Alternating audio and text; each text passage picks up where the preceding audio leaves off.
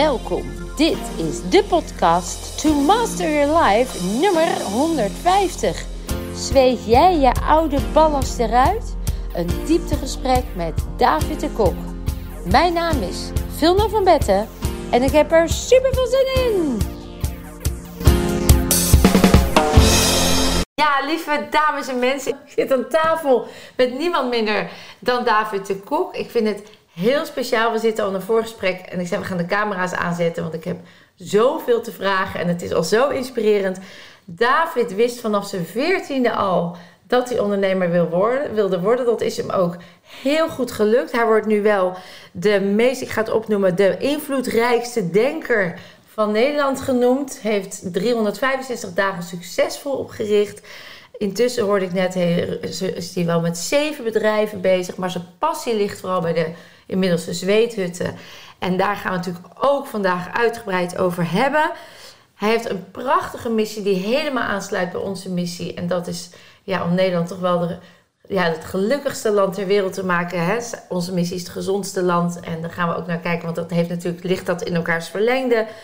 Ja, en hij heeft ook nog eens een gezin en drie kinderen. Dus David, hartstikke fijn dat je er bent. Welkom. Wat een mooie introductie, dankjewel. Ja. De invloedrijkste denker, nou, dat doe ik, neem ik meteen weer afstand van. Dat lijkt me een hele vervelende positie. Ja. Maar goed. Zo sta je wel geïntroduceerd ja, nou, op menig site ja, ook. Ik, ik, heb het wel eens ergens eerder gehoord. Nou. En je neemt er afstand van omdat het woord denker waarschijnlijk niet is waar je...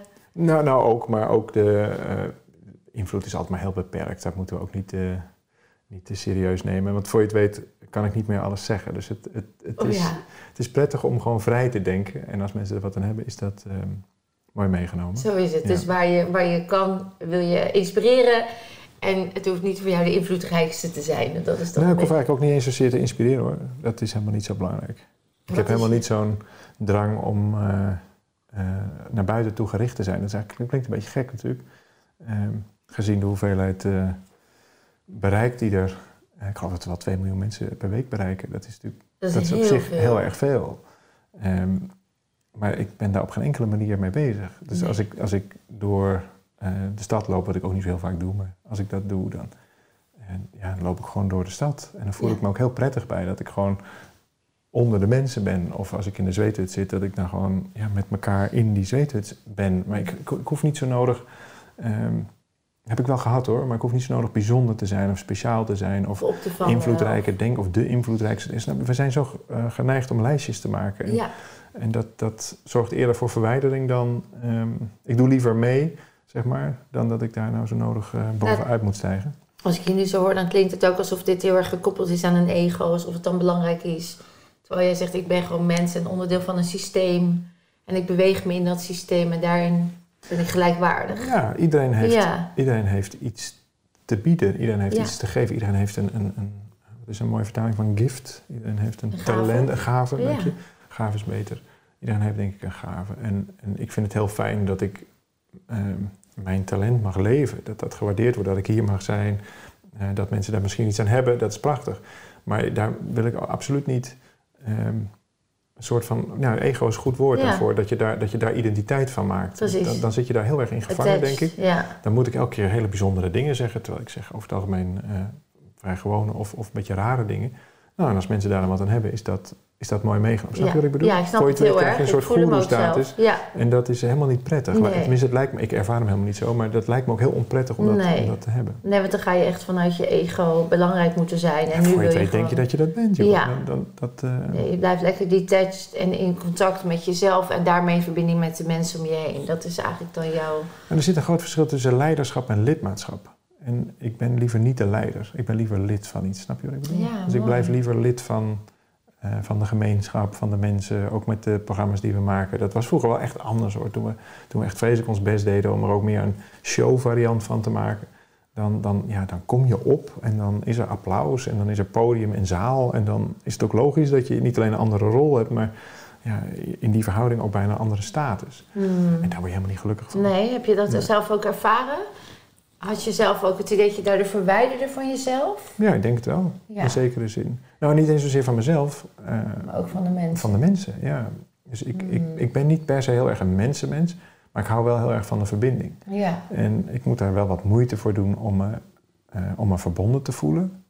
Eh, maar dan moet ik zeker niet afstand gaan creëren. Nee. Het is wel veiliger. En dus mensen die, die wat introverter zijn, wat ik denk ik ben, ehm, dan eh, is, is de vruchtenheuvel snel om je te gaan verwijderen. En in Mhm. die verwijdering kun je dan... Dat is dan in- veilig. is veilig. En, Mhm. en ik ben dan ook nog iemand die wat makkelijker praat. Dus voor je het weet, eh, nou, ga je dan een boeken lezen, ga je wat dingen zeggen, ga je nog een boekje over schrijven. Voor je het weet, bouw je daar een hele identiteit op.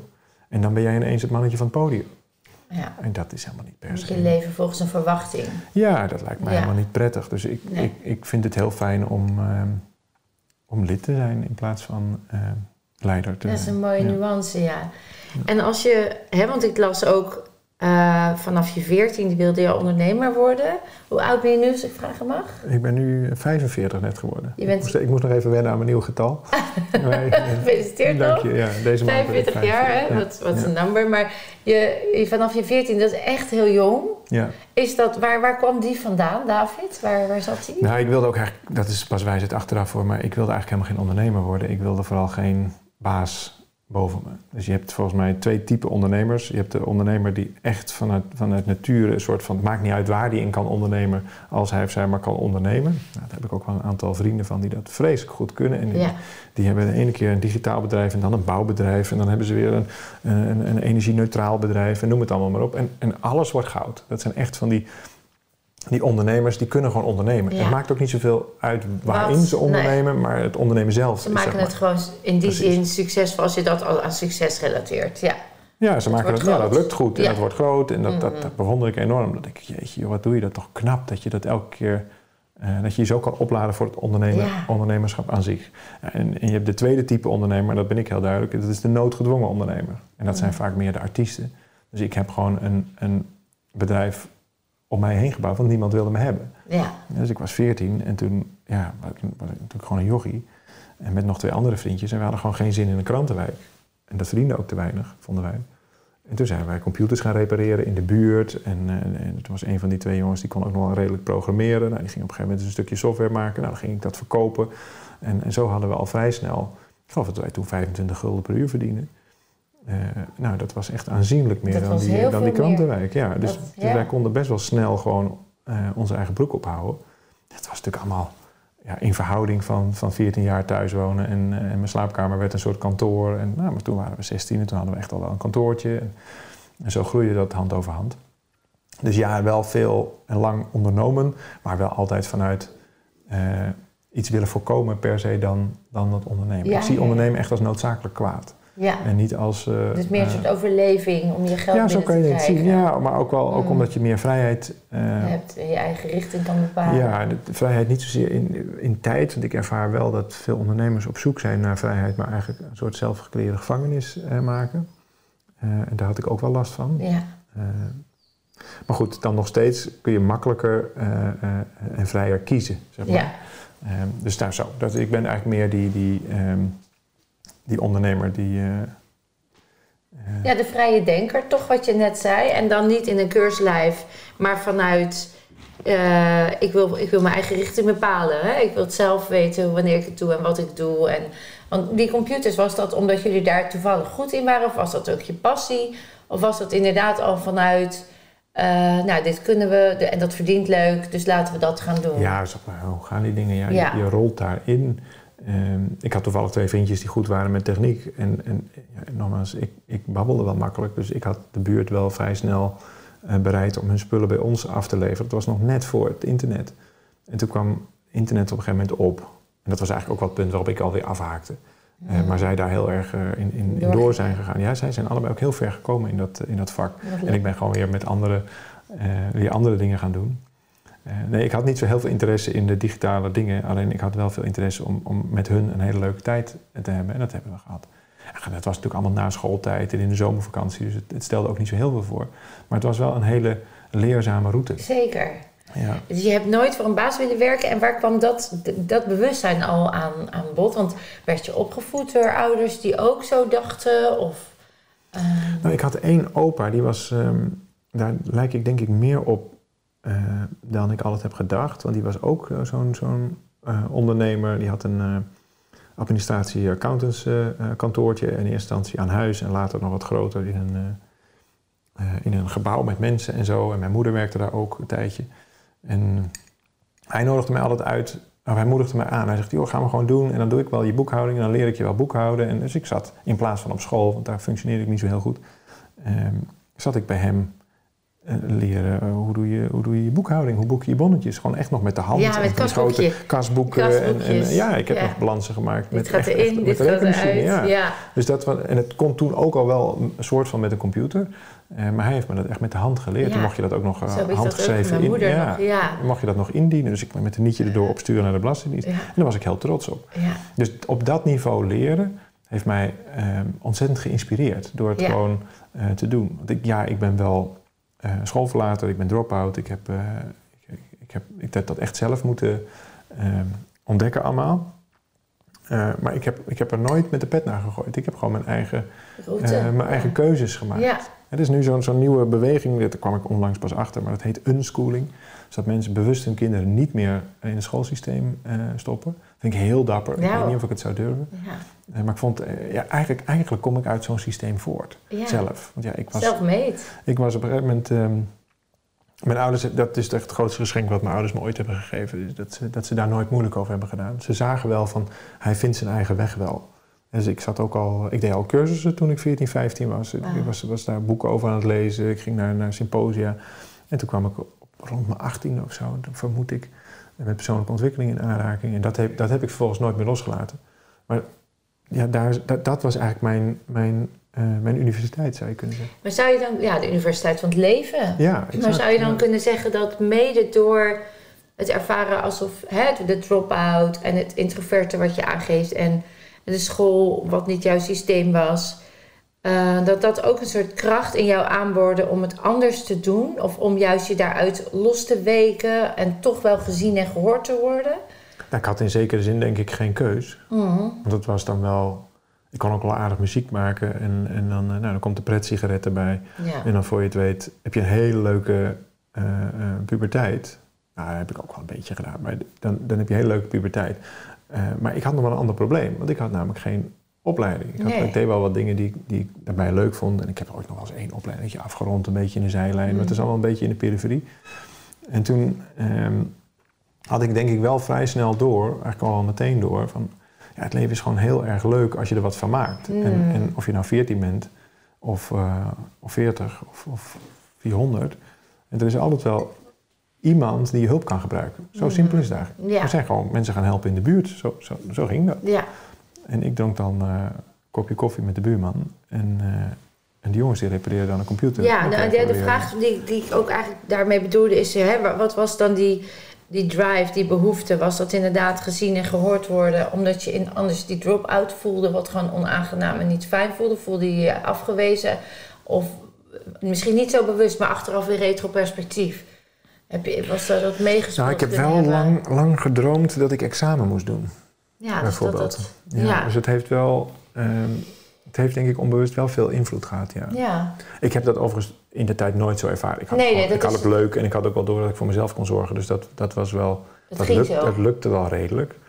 Uh, dus dat, dat ging allemaal vrij soepel. Het liep gewoon zo, maar nu achteraf ja. in retroperspectief, als we kijken naar behoeften van mensen en het gezien en gehoord worden en dan toch niet geaanvaard in een systeem, dat we toch zien dat mensen dan een enorme drive krijgen of kracht om ook dan op een andere manier zichzelf wel te laten zien. Ja, wellicht. wellicht. Ja. Ik vond het prettiger buiten het systeem. Dus het, ik heb dat ik vond het in het systeem ingewikkelder. Ja, dan want daar werd je afgewezen. In buitensysteem floreerde je eigenlijk. Ja, nou ja, ik mhm. functioneerde gewoon niet zo heel goed. En ik had heel veel moeite met... Ja, ik dacht gewoon anders over de dingen na. Daar had ik wel, wel vrij snel door.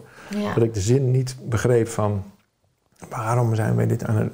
Wat heb ik hier aan? Ja. En dan ging ik ook daar vragen over stellen. moet ik leren waar Lutjebroek ligt of zo? Ja, er zijn heel veel van dat soort onzinnigheden. En, en ik, ik leerde liever iets anders. Het is ook niet zo dat ik niet wilde leren. Maar ik wilde graag Nuttige. zinnige, ja. in, in, mijn beperkte visie van toen, zinnige dingen leren. Nou, daar kwam ook nog een, een randje uh, kerkelijke opvoeding hmm. achter vandaan. Dat heeft natuurlijk ook nog wel veel invloed gehad, denk ik. Ja. Want ook daar ben ik drop-out. Ja, ook, ja, ja. ook daar was het op een gegeven moment dat... Uh, ik ging dan af en toe naar, naar zondagschool, dat wilde mijn moeder graag. Zondagschool, ja, dat was... het, het klinkt zwaarder dan het was hoor, maar we zaten daar met een groepje onder leiding van de dominee dan de Bijbel te bestuderen, verhalen te, te, te, te delen. En ik had daar vragen over. En, en op een gegeven moment, dat weet ik nog heel goed, toen, toen vroeg hij van, eh, van, goh, zou jij het uh, heel erg vinden om volgende week niet meer te komen? Ik zeg, nee, helemaal niet. Uh, maar, maar, hoezo? Ja, wat, een zegen is dit, maar hoezo?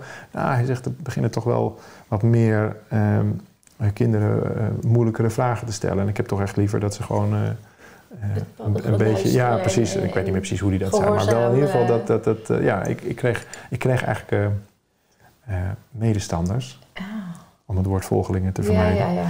Dus ik kreeg medestanders in dat, in dat stuk. En er ontstond een soort kampje, met, een kampje van de moeilijke vragen.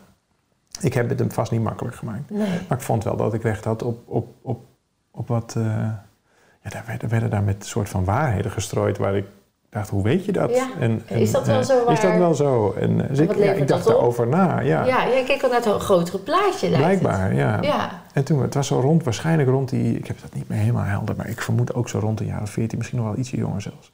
Dat hij dat zei van, van goh, misschien is het een goed idee als jij volgende week eens overslaat. Kijken of dat beter is voor de groep. Toen zei ik, nou, wat een goed idee. Ik ben nooit meer terug geweest. Nee. Dus ik heb, ben op een hele vriendelijke manier, dat ging allemaal niet vervelend. Maar voor mijn gevoel ook drop-out uit die um, nou, een beetje zo'n zo randje kerk wat mijn, van mijn moeder graag wilde.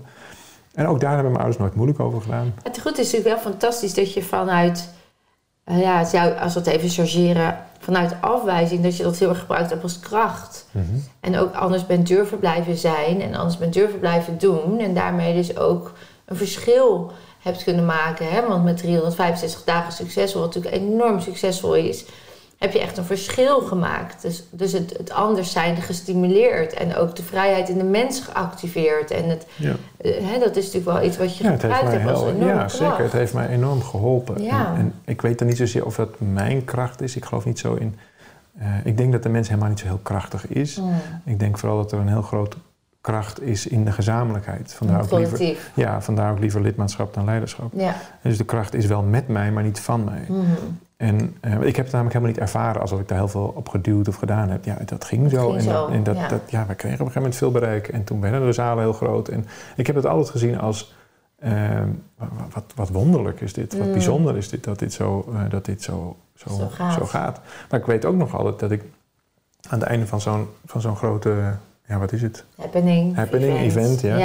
ja. dat ik altijd uh, ik liep nooit backstage. Ik ging nooit af en dan in de kleedkamer wachten. Maar ik ging altijd de zaal in. Ja, altijd mensen. als eerste de zaal in. En gewoon weer even levelen met mensen. En joh, vertel eens, wat, wat, wat vond je er nou echt van? En wat zijn nou je hoogtepunten? Wat neem je nou mee naar huis? Dat soort dingen. Daar had ik meteen behoefte aan. Om, om even... Weer samen. Even weer...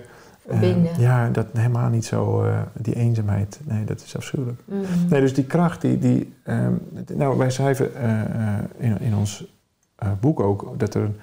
Eh, we noemen het dan noodzaak, ehm, dan maak je eigenlijk gebruik van de kracht die er al is. Ik, had, ik had namelijk geen keuze. Ik, had, ik kon niet leunen op een diplomaatje of een partner. Of, nee, ik stond er in die zin uh, alleen voor, zo je mhm. wil. Dat heb ik nooit zo ervaren, maar, maar in ieder geval, ja, ik, ik moest wel. Maar dat vond ik heel prettig. Dus dat ben ik ook gaan, gaan doen. Ja, en tegelijkertijd zien we natuurlijk ook dat er heel veel mensen met een soortgelijke achtergrond juist in een isolement raken of uh, zich niet zelfredzaam voelen of uh, niet durven voor zichzelf op te komen of anders te zijn. Hè? Dus mhm. het is ook wel iets in jou heeft het, heeft het aangeraakt om het om te zetten naar iets krachtigs, laten we het dan zo zeggen, als je het niet. Nou, ik denk dat mijn ouders daar een enorm belangrijke rol in hebben gespeeld. Namelijk, zij zijn in ieder geval naar mij toe. Ik weet niet of dat echt, als je diep in hun hart kijkt, of ze daar nooit wakker van hebben gelegen. Maar ik heb in ieder geval nooit de zorg van mijn ouders ervaren dat het met mij niet goed zou komen. Nee, ik heb altijd heel veel vertrouwen geweest. Ja, de zegen ervaren van met jou komt het wel goed. En dat ben ik mm. dan ook gaan doen. En dat kwam ook goed. Dus dat is heel prettig.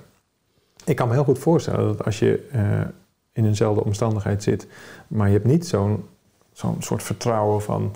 Uh, ja, bijna een soort rugdekking. Snap je dat? Een soort, ja, energetische zeker. rugdekking. Vooral een, uh, hoe noem je dat? Een uh, opvang, uh, zeg je Ja, nou bijna zo. Ja, ja, ja absoluut. Een vangnet. Als het ooit mis zou gaan, dan zou ik altijd nog een keer op de zolderkamer terecht kunnen. Ja. Zo'n soort, zo'n soort gevoel, ja, dat helpt enorm. Een soort basisvertrouwen. Ja. En toch heb ik altijd, want mijn ouders zijn allebei onderwijzers, eh, heb ik wel altijd me een soort van schuldig gevoeld Dat jij niet past in het systeem Ja, ja, waar zij voor kozen. ja, precies. De, die ja. discussies die, die, die, die eindigden ook altijd met laten we hier maar niet over praten. Want ik was nogal kritisch op het, dan druk ik me voorzichtig uit, op het eh, onderwijssysteem. Mhm. En daar zaten zij natuurlijk middenin. Dus dat, was, ook- dat zijn ook vervelende discussies. Dat, dat, ja, dat moet ik ook niet meer doen. Dat, ach, dat doe je dan als je jonger bent. Want dat was niet een aanval op het systeem, maar dat was natuurlijk eigenlijk een aanval op hun. In ieder geval Zo in hun wereld. Zo erv- ervoeren zij dat. En trouwens, zo bedoelde ik dat natuurlijk helemaal niet. Nee. Dus dat, eh, maar goed. Mooi, mooi, Ja, ja. reis. En inmiddels hè, ben je, eh, is dat helemaal, eh, nou ja, dus eh, gelopen tot een mooie, succesvolle onderneming. En eh, nu de omslag naar de Zweden, waar we straks zeker nog even op terugkomen. Ik was nog even benieuwd. ehm, ja, we hebben het over de, de, de- Nederland, het gelukkigste land Mhm. ter wereld maken. Wanneer is iemand gelukkig, David? Wanneer is er geluk? Nou, er zijn grofweg eh, eh, vier gebieden waar je voorspoed wil in je leven. En die zijn betrekkelijk goed eh, eh, te leren. Gezondheid, relatie, eh, werk en geld.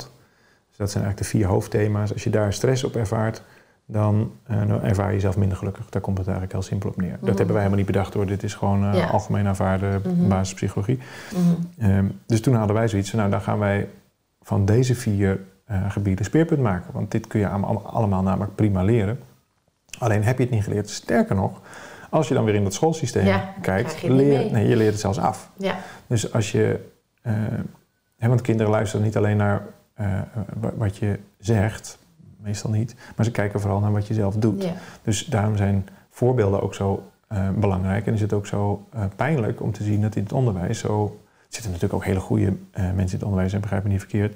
Met heel veel liefde en met heel veel passie voor het vak. Maar er zitten ook genoeg mensen die daar eigenlijk helemaal niet zo ehm, ja, gelukkig zijn. Mhm. En, en dat blijkt ook uit eh, veel onderzoek, dat ongelukkige leraren zorgen uiteindelijk ook voor ongelukkige kinderen. Ja. Dus dat, dat, dat, Ja. heeft, het heeft echt direct Effect. effect op, op eh, leerresultaten. Mhm. Maar goed, dat, eh, dus we hebben ons gefocust op die vier gebieden: gezondheid, relatie, werk en geld. En met name dat je dat dus kunt ontwikkelen. Mhm. Dus deze dingen kun je leren. En daar hebben wij de afgelopen tien jaar vooral de mentale route voor gekozen. En, eh, en sinds een paar jaar zit ik wat meer op het metafysische eh, stuk.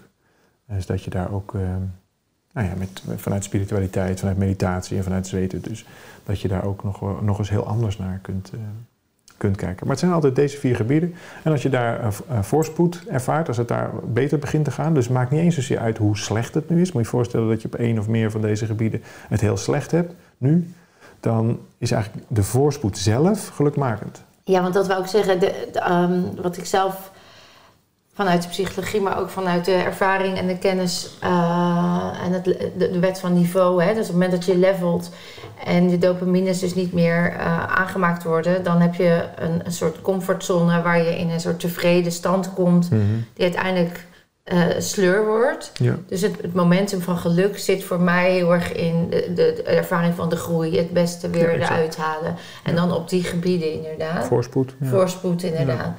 En Maar je ehm, zou ook kunnen zeggen leren. ja, leren, ontdekken, uitdagingen, even uit die comfortzone. Daar zit ik... eh, Maar er zit eigenlijk nu wel nog één nieuwe dimensie in. Sorry dat ik je onderbreek. Ehm, want de afgelopen tien jaar hebben we dat ook echt zo gedaan. En, en ik denk ook dat daar de mensen ook zo enthousiast over zijn. Ehm, maar er zit eigenlijk nog één basisstroom onder. Ehm, en dan gaat het veel minder over geluk. Dat zou je kunnen zien als een, dan een prettig bij, bijeffect. Of een belangrijk bijeffect. Ik heb het laatst ook nog in een, in een ehm, zakelijke spreekbeurt eigenlijk een soort indicator genoemd. Als je je niet meer gelukkig voelt, dan is er iets aan de hand. Eh, dus dan is het een fantastisch instrument om gewoon eens te kijken... Hey, waar mag ik gewoon weer leren, groeien enzovoort. Waar wil de groei naartoe? Ja, Maar de onderstroom is eigenlijk liefde. ja. En, eh, en daar hebben we een hele mooie eh, cognitieve methode van gemaakt. En daar hebben we tien jaar echt de grootste zalen van Nederland mee gevuld. Maar wat krijgen we elke keer terug van die mensen? Ze voelden zich weer opnieuw verbonden. ja. Niet zozeer met de methode of met ons, Nee. maar met elkaar. Ja, En dus wij maken uiteindelijk veel meer communities. En daar zijn we nu speerpunt van aan het maken. Ja. In plaats van dat dat een soort eh, bijvangst eh, Ja. dat vind ik ook wel grappig. Ik weet niet of jij het ook zo hebt ervaren, maar ik heb in het begin ook de één op één gedaan en dus ook groepen. Ja. En ik adviseerde altijd de mensen aan de groepen deel te nemen. En soms kreeg ik dan, ja, maar ik ben niet van de groep. Of Ja. ik hou niet van die groep of al die mensen. Dan juist. Precies, dat is echt wat ik Ja. ook zeg. Onderschat die kracht Ja. van die groep niet, want die is immens. En die energie die daar vrijkomt, die lift jou tien keer zo hard als dat jij in je eentje op je zolderkamer aan het groeien bent, zeg maar. Ja, in, sommige, heb- in sommige gevallen kan het zelfs niet anders. Precies, ja. Ja. ik herken dit heel sterk. Hoe, eh, dat is ook wat jij dus steeds zoekt, hè? Steeds weer die verbinding. Ondanks dat je soms op dat podium staat of de Ja. introverte David, uiteindelijk voel je het meest gelukkig als jij weer die verbinding ervaart. Het, het lidmaatschap, het, het ergens Ja, mijn levensmotto is denk ik leer mij liefde. leer mij liefde, Leer ja. mij liefde, ja. En hoe, hoe zit het met jouw zelfliefde en je zelfbeeld en je zelfvertrouwen? Hoe kun jij. Hoe- Nou, daar ben ik niet zo mee bezig, omdat het hele idee van zelf, als je het dan over de filosofische kant hebt, mocht, mocht die, hè? Mhm, Oh, ja, ja, oh, zeker. fijn, Filosofisch, fijn. daar Ja, zitten we in, in die categorie. Oké, gelukkig, gelukkig. Graag. Ja, nee, daar heb ik goed opgelet. Ja, ja. Ehm, eh, want als je dat zelf gaat, gaat, echt gaat beredeneren, van waar zit dat dan, wanneer is dat er dan, enzovoort, daar kom je helemaal niet uit. Daar kom je niet uit. Nee, en dan, komt, dan, dan kom je, als ik dat he- heel beperkt eh, nou ja, probeer te beredeneren, op... Nou, laat, laat ik een voorbeeld geven. Als ik nu hier met jou ben, ehm, dan ben ik verbonden met jou, met waar we het over hebben. En dan ontstaat er een soort tussenruimte waar iets kan ontstaan. Als, als je echt vanuit verbinding spreekt. En Ja. helemaal er geen ego in spel is. En bij ego probeer je elkaar in elkaars wereld te trekken. Hmm. Eh, maar op het moment dat dat er niet is, Dan ik het- ervaar dat nu zo, dat is prettig, dan, dan mag er gewoon zijn wat er is. En dan, dan zijn we allebei ontspannen. En dan, eh, nou, Go with the flow. Ja, dan kan er dus iets ontstaan wat, wat niet bedacht is, maar wat gezamenlijk ehm, eh, ja, gecreëerd wordt, zou je kunnen zeggen. Geschapen wordt. Mooi. Ehm, maar op het moment dat je ehm, met een voorbedacht plan of eh, eh, dat ik hier om, met een soort dubbele agenda zou zitten, ja, dat ga je ook meteen voelen. Dan Mm. haken denk ik ook de luisteraars af. Of dat, eh, dat werkt. Nou was ik een punt dat maakte het ons Nou, het ging over zelf. Oh ja, het zelf, concept dat- dat- zelf. precies. En, Da- en de- daar- precies. Ja. Dus dan, nou, dan, dan verhoud ik mij nu zo, zo hè, tot, tot ja, dit ontstaat. En dat is dan wie ik ben. Maar ga ik zo meteen naar huis en dan, dan staan mijn kindjes op het schoolplein. Ja, dan ben ik weer net iets anders. Hè. En, en je zou kunnen zeggen, de situatie bepaalt dan wie ik ben. Mhm. Vanavond komt mijn, mijn fantastische lieve vrouw komt weer thuis, ben ik weer iemand anders. Dan ga ik vanavond met mijn vrienden, eh, gaan we padellen. Nou, dan, dan ben ik echt heel iemand anders. Eh, maar toch, is, toch ervaar ik dat nog steeds als dezelfde David. Maar snap je, dus je zou kunnen zeggen, de situatie heeft veel meer invloed op, op welk deel van jezelf je dan laat zien. Dus je zou ook kunnen zeggen, ja, dat zelf, dat heeft eigenlijk een omgeving nodig om, Om te om, ontstaan, om, om, om, te zijn. ja, om, om door te hebben wie het eigenlijk is. Mm. Of om gedrag. Die eh, reflectie. ja, precies. Dus in, die Mm. spie- in welke spiegel kijken. Hmm. Dan zou je dus ook kunnen zeggen, hij zelf is omgeving. Dus die Mm. omgeving is eigenlijk voorwaardelijk om mezelf te kunnen hebben.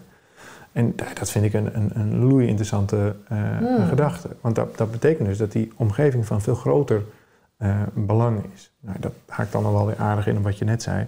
De, de- mijn ouders hebben een soort basisomgeving geschapen van wat ik ervoor als vangnet. Hmm. Nou, als je dat een basisomgeving hebt wat je ervaart als eh, bedreigend of als eh, onveilig of Mhm. iets dergelijks.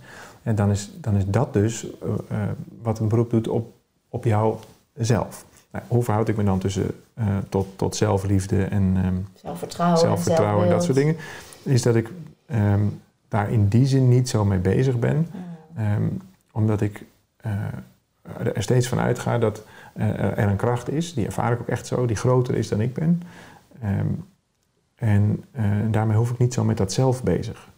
Er zit een soort vertrouwen op dat je dan daarin de weg leidt of zo. Is dat het, dat grotere? Wat je ja, al- dat zou je dus zo kunnen noemen. Hè. Bij, bij de Zweetut hebben we het veel over ehm, het grote mysterie. Dat vind ik een mooi, mooie benaming. gro- het grote Ja. mysterie. Van, er is wel een, ervaar ik in ieder geval zo, een kracht die groter is dan, dan ik ben. En sommigen noemen het universum en anderen noemen het spirit en een bron of het goddelijke. Nou, je Ja. kunt er van alles aan, aan, plakken. Mhm. Volgens mij bedoelen die allemaal hetzelfde. Ja, Ik ervaar het in ieder geval zo. ook. Er is een kracht die, die groter is dan ik zelf ben. Als ik in meditatie ben, dan ervaar ik ook een veld, een soort groter veld. Quantumfield, Ja, Ja, je kun je allemaal zo noemen. En, ehm, en ik vind het heel mooi om, om me daar eh, toe te verhouden in plaats van daar een soort ik in te ontwikkelen. ja Ja, het is heel non-dualistisch wat je eigenlijk Ja, zegt. 100%. Ja. Ja, nee, Ja. dit is helemaal. Dit is eh, helemaal- het, is, het is wat ingewikkelde materie, maar als je, Hmm. als je één keer op dat pad gaat, Ja, dan voel je hem. van, want daar zit namelijk de verbinding. Nou, wat het, ja, en wat ik interessant vind in dit verhaal is, als we het hebben over liefde. Ik heb met Jan Geurt ook een prachtige podcast opgenomen eh, hierover. En eh, nou ja, met nog veel meer mooie mensen. Dat voor mij is liefde ook een gevoel. Als ik dan even terugga naar afgelopen week, waar we een mooie live masterweek hadden. Toen hadden we op een gegeven moment een prachtige meditatie.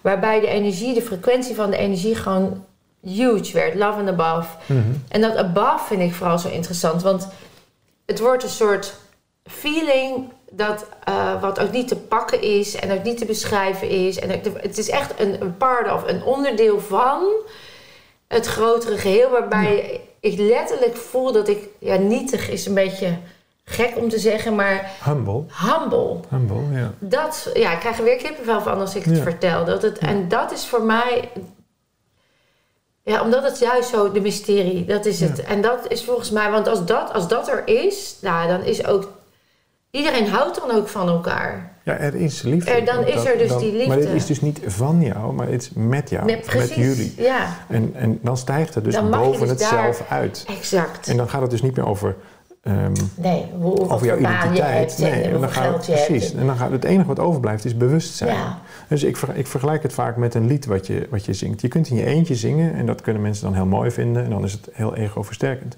Je kunt met elkaar zingen en dan weet je op een gegeven moment niet meer welke klank, als je naar het hele lied luistert, jij nou maakt. Maar je Mm. hoort wel jouw, het vertrekken van jouw klank, dit, die kun je voelen. Maar je hoort het hele lied. En dat hele lied is waar het voor mij over gaat. Ja, en als jij stopt met zingen, ook al zing je met 10 miljoen mensen, als jij stopt met zingen, verandert er een fractie van, dat van, van, van het lied. En dan helemaal bij jou, omdat jij die klank dan zelf ineens alleen nog maar hoort. Nou, dat is precies de, de dunne lijn. Dus durf je te zingen, even in deze metafoor, met elkaar. En dan het hele lied te horen, in plaats van alleen maar bezig bent met, oh, zing ik wel zuiver. En, Kom ik en, wel goed hoor. ja, en dat is het verschil tussen zelfliefde en zelfvertrouwen, dat soort dingen. Mooi. Ik vind dat dus, ehm, als, als ik het, ehm, nou, highly overrated wilde ik zeggen, maar het is een hele moeilijke weg, omdat je dan dieper in dat zelf gaat, terwijl daar doe je eigenlijk al een afscheiding. En als je eh, meer gaat voor eh, de dag die nooit zou plaatsen, dit wat we nu doen, zou Ja. nooit plaatsen. Er stond in geen enkele agenda. Nee, Dat is voor ons georganiseerd. We hebben elkaar nog nooit gesproken. Nee. En we zitten binnen no time op, op non-dualiteit, mijn Ja. lievelingsonderwerp. Nou, dan, dat is toch fantastisch? ja. En dat zijn cadeautjes. En die dagen die dus... Ik gun dat iedereen, in ieder geval mezelf heel veel. En, en iedereen die dat interessant vindt, is meer dan welkom. Ja, Dagen die nooit zouden gebeuren. Nou, denk dan nog eens terug aan de onderwijzer. Hoeveel dagen heeft die nou die nooit zouden gebeuren? Al die dagen stonden al ingepland. Ja, en en, tien jaar later en de lessen voorbereid. En, de- Mhm. en vroeger mocht je nog eigen methodes bepalen, maar tegenwoordig moet het gewoon uit een boekje. En dan is het weer Sinterklaas en weer kerst. En weer, die arme mensen. En Het is, het is ook zo, de wat je zegt, is ook zo de lekkerste manier om te leven, weet je? Eh, omdat dan de rest komt er achteraan. Zo voelt het, alsof je hè, ehm, in die verbinding met dat wat leidt, of wat richting krijgt door, door het zelf, Mhm. Ehm, heb ik, geloof ik heel sterk dat er is abundance. Weet je, voor iedereen is er dus overvloed als je daar durft te zijn. Ja, dat hoeft niet per se. eh, Dat, dat is een beetje Amerikaans om dan meteen te denken dat als je aan een Ferrari denkt of dat eh, vanuit over dat die er ook zal zijn, dat is helemaal niet interessant. Nee, ik heb het niet over overvloed in die zin, maar echt overvloed in het ontvangen en mogen eh, zijn. Dat is het meer. Dat je echt Ja. in. En of dat nou voor jou ook nog belangrijk is dat je dan een Ferrari voor de deur hebt staan. Of, het is er allemaal als je daar eh, in die vrijheid, in die. Ja, ik kan het dus ook. Ik heb er ook geen woorden voor. In het mysterie, laten we het dan nog dat. Ja, ik denk dat dat waar is in, in die overvloed. Er is in ieder geval een overvloed aan mogelijkheden. Ja. Er is een overvloed aan liefde. De Ja. liefde houdt niet op. Nee. Jij kunt alleen wel ervoor kiezen om niet dat te zijn. Hmm. Dus je kunt wel... ehm, je kunt aan, aan, aan afscheiding doen. En je zou kunnen zeggen, daar creëer je eigenlijk donkerte in al een lichte situatie. Ja, Dus het licht is er altijd. Alleen je gaat zelf door geheimen, door eh, niet integer te zijn, door jezelf heel Mm. belangrijk, door speciaal te willen zijn, enzovoort. Mm. Door, door afscheiding zorg je eigenlijk voor donkerte in je eigen leven. Waarom zou je dat doen? waarom zou je dat doen? Ja. Dus als je, als je meer licht toelaat. Hè? Ik, ik had laatst iemand bij de zweetuur en die zei: Oh, ik zou zo graag willen. Bij mij is het allemaal zo grijs in mijn hoofd. Ik zou zo graag willen dat het, dat het gewoon zwart-wit is. Dan kan ik tenminste een keuze maken. Oh ja, En toen zei ik: Ik begrijp heel goed wat je bedoelt. Maar hoe zou het zijn als het alleen nog maar wit is? ja. Dan hoef je dus geen keuze meer Nee, te maken. dan Dan, is is, het er. al. Nou, dat vinden mensen, en zeker het ego, heel erg Dat is ingewikkeld. nog heel vaag, ja. Nou ja, vaag. Het is, dan is, lijkt het alsof jij geen keuze meer hebt. Ja. Die heb je wel, alleen Ja. die hoef je niet meer te hebben. Nee. Nou, dat ervaren mensen dan. Kun je, dat kun je ervaren als leiding. je toe. Mhm. Maar dat gaat dan even uit dat er een soort groter, hè, voor je het weet, man met een baard op een wolk die dan al een soort plan voor je had. Ja. En zo zit het nou ook weer. Nee. Nee, oké, maar dat, het is zo dicht bij wat je... We identificeren ons nog natuurlijk met dat zelf, waardoor, waardoor dat dan ook in de weg kan zitten als je het gaat vertrouwen op dat wat je toevalt of dat wat zich aandient. En daar dus vanuit dat uh, wat je zegt, het lidmaatschap onderdeel van mag zijn en mag vertrouwen. Uh, waardoor het pad zichzelf uitkristalliseert. En ondertussen, um, ja, ja, dat is het volgens mij. En wat ik zo mooi vind aan. Um, kijk, alles wat, wat jij zegt is, is. Je zei net ook, je bent onderdeel van je omgeving, je bent je omgeving. Um, ja. ja. wij gaan zo ver door te zeggen, je bent dat. Hè? Dus je staat ook ja. in de file, je bent de file. Je bent de file. Ja. En als je dan kijkt naar de systemen die nu door al het licht, wat ook nu dankzij het donker heel helderder gaat schijnen, zien we al die systemen ook afbrokkelen en uh, inzichtelijker worden bij heel veel mhm. mensen. Daar zit heel veel donker. Een, een van de stellingen die ik heb, ik ben even benieuwd hoe jij er tegenaan kijkt, is op het moment dat we niet helen, zal dat donker zich nog generaties lang uh, doorzetten. omdat in celgeheugen blijft dat nog aanwezig. En op het moment dat je dat niet opruimt of mhm. heelt, zij het via zweet of zij het mhm. via mijn methodiek of nee, de methodiek die ik dan uitdraag. Of, hè, dan, dan zullen we herhalen wat we altijd hebben gedaan, omdat we onbewust zijn van wat er allemaal in dat celgeheugen ondertussen ligt. Dus oorlog is een herhaling van de geschiedenis, omdat de mensen dat altijd al zo hebben gedaan. En we hebben allemaal oorlogstrauma in onze cellen. Mhm. Dus wat doe je met dat systeem? Wat, wat, hoe bewust, de shift in awareness noem ik het, kun je zijn van dat celgeheugen en durf je daar dat licht in te laten schijnen? Ja, dat is in essentie waar de zweet het over gaat. Namelijk dat je daar eigenlijk helemaal niets voor hoeft te doen. Dat je in, in, in, in je diepste zijn al heel bent. Dus we hebben geen heling nodig. We hebben ons alleen te herinneren dat we al heel zijn. Dat is een mooie. En, ja. Um, en nou weet ik te weinig van uh, jouw methode en ho hoe je dat doet. Um, dus, dus um, we hoeven het hier ook niet over eens te worden. Dat, gaat me op geen enkele manier om het beter te weten. Maar ik heb meegemaakt, en meer dan eens, dat er heel ernstig zieke mensen um, in de zweet komen. Gelukkig komen ook heel, heel veel niet ernstig zieke mensen. Maar dus iedereen is welkom. Ze, ze komen in allerlei plumage.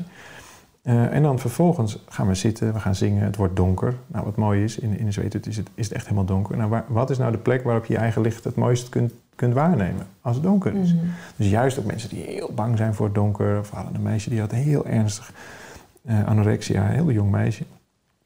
En die, wilde, die had het steeds zo koud, dus die wilde graag met de moeder mee naar de zweethut. En die had gebeld, kan dat? Ja, artsen zeiden dat het eigenlijk niet kan. Ik zeg, nou, laten we maar gewoon proberen. En we doen het wel rustig aan en we zien het wel. En wat gebeurt er dan met die mensen als ze daar, als ze daar zijn? Wij doen daar dus niets mee. We zijn geen artsen, we behandelen helemaal niks. We beloven daar ook verder helemaal niks in. Het enige wat we doen is we gieten het water en we zingen die, die mantra's. Hmm. En dan ben je met elkaar en dan ontstaat er dus die mystieke uh, sfeer. Nou, het grote mysterie aan het werk. En die mensen komen eruit en die kunnen zich vaak niet eens meer herinneren dat ze ziek zijn geweest. Ja. En dit meisje ook, die kwam een paar weken later kwam ze weer. En dan was ze al een stuk beter, hoefde ze al niet meer in de rolstoel. En een paar maanden kwam ze weer en er was niets meer aan de hand. Het is echt een shift in awareness. Je komt op die diepste, diepste laag in jezelf waar je weet dat je heel bent. En dat weten overstijgt elke wilskracht, overstijgt elke Dat denk ik. En, en ik zat onderweg hier naartoe uh, over na te denken. Want ik, ik had een... Uh, ik had me een beetje verdiept in, in, in hoe jij daarover over denkt. Mhm. En ineens viel mij een kwartje. Dat ik, ik dacht, ja, want ik weet namelijk, ego spiegelt ego. Ja. Dus, dus als, je in een, als je probeert te leren van iemand met een groot ego, het enige wat je zelf ontwikkelt is uh, ook een groot ego. Uh, Oké, waarom werkt het dan zo aardig in de zweten? En toen bedacht ik me ineens, hé, hey, wacht eens even. Zou liefde dan ook niet gewoon liefde spiegelen? We hebben ontzettend veel liefde voor, uh, voor de ceremonie. We hebben ontzettend veel liefde voor de mensen die daar zijn. Uh, we zijn allemaal lid, hè, dus we ervaren de... Oh, de, de, de bel. Ja, de bel, die komt ook gewoon Ja, natuurlijk, natuurlijk. De pakketjes moeten ook, ook geleverd. uh, dus dat, het, die sfeer, zeg maar, de, de, die herinnering... Ehm, is misschien nog gewoon liefde spiegelt En dat is de basis. Jo, en, en, als je dat weer kunt herinneren, dan, en, en, ik wil echt niet zeggen dat iedereen geneest, maar iedereen heelt wel. Er is nou, een heel groot verschil tussen genezen en helen. Helemaal eens. En dan, en dan um, je wordt detached van dat waar je mee geïdentificeerd had. En dat geeft die vrijheid, dat geeft die ruimte, dat geeft een nieuw celgeheugen. Dat ja, en als er dan nog, als er dan nog een mogelijkheid is om, om ook nog wat langer te leven, ja, dat is dan mooi meegenomen. Maar het is geen doel, een lang leven is geen doel op ja, maar dat is precies ook die aanvaarding van de vergankelijkheid... waar Boeddha het over had. Mhm. Dat is natuurlijk de ultieme uitdaging in een prestatiemaatschappij... waar het gaat om je identiteit en jong blijven... en vooral niet... Voor, hè, eh, je moet altijd maar er mooi uit, op je beste eruit zien. En dat is totaal tegenstrijdig met waar het in essentie... Nou, kijk maar naar de sport. Van sportschool ga je eerder dood. Als je, als je flink naar de sportschool gaat, ga je je er eerder van dood. ja, absoluut. Ja, Ja. dus, dus in die zeg maar, hoe wij sporten is Ja. een tijd, eh, is een tijdsefficiënt sporten. Want Ja. we hebben eigenlijk weinig tijd. Dus we, we, zitten, we doen eigenlijk de hele dag eigenlijk wat ongezond is. En dan moet dat in een uurtje, drie uurtjes in de week moet dat goed gemaakt worden. Dat is heel stressvol voor het lichaam. Dat is helemaal niet gezond. Dan ga je eerder van dood. Dus het, het, het niet doen ga je nog eerder van dood in die setting. Dus je wil naar het hele plaatje kijken. Maar je wil eigenlijk naar een Balans. naar een gezonde leefstijl vanuit bewustzijn. Als je in contact staat met. ehm, als je echt durft te voelen wat is goed Ja, voor mij, dat. dan stop je heel veel dingen niet meer in je mond. Ja. Als je echt durft te voelen wat is goed voor mij, dan ga- je bijvoorbeeld, ja, denk ik ook niet meer in de stad wonen. Nee, dan wordt het voeden in plaats van vullen. En dan wordt het zijn in plaats van hebben. Hè? Dan krijg je al die mooie... Want dan is het in essentie weten eh, wat de behoefte is... in plaats van denken of op wilskracht gaan... omdat het zo hoort en moet. Ja, ik denk wel dat, dat zeker eh, luisteraars naar, naar deze materie, dat die dit allemaal wel weten. Dat is, Ja. geen, dat is geen nieuwe koek. Nee. Alleen doen is nog iets heel anders. Durven voelen is een ding hoor.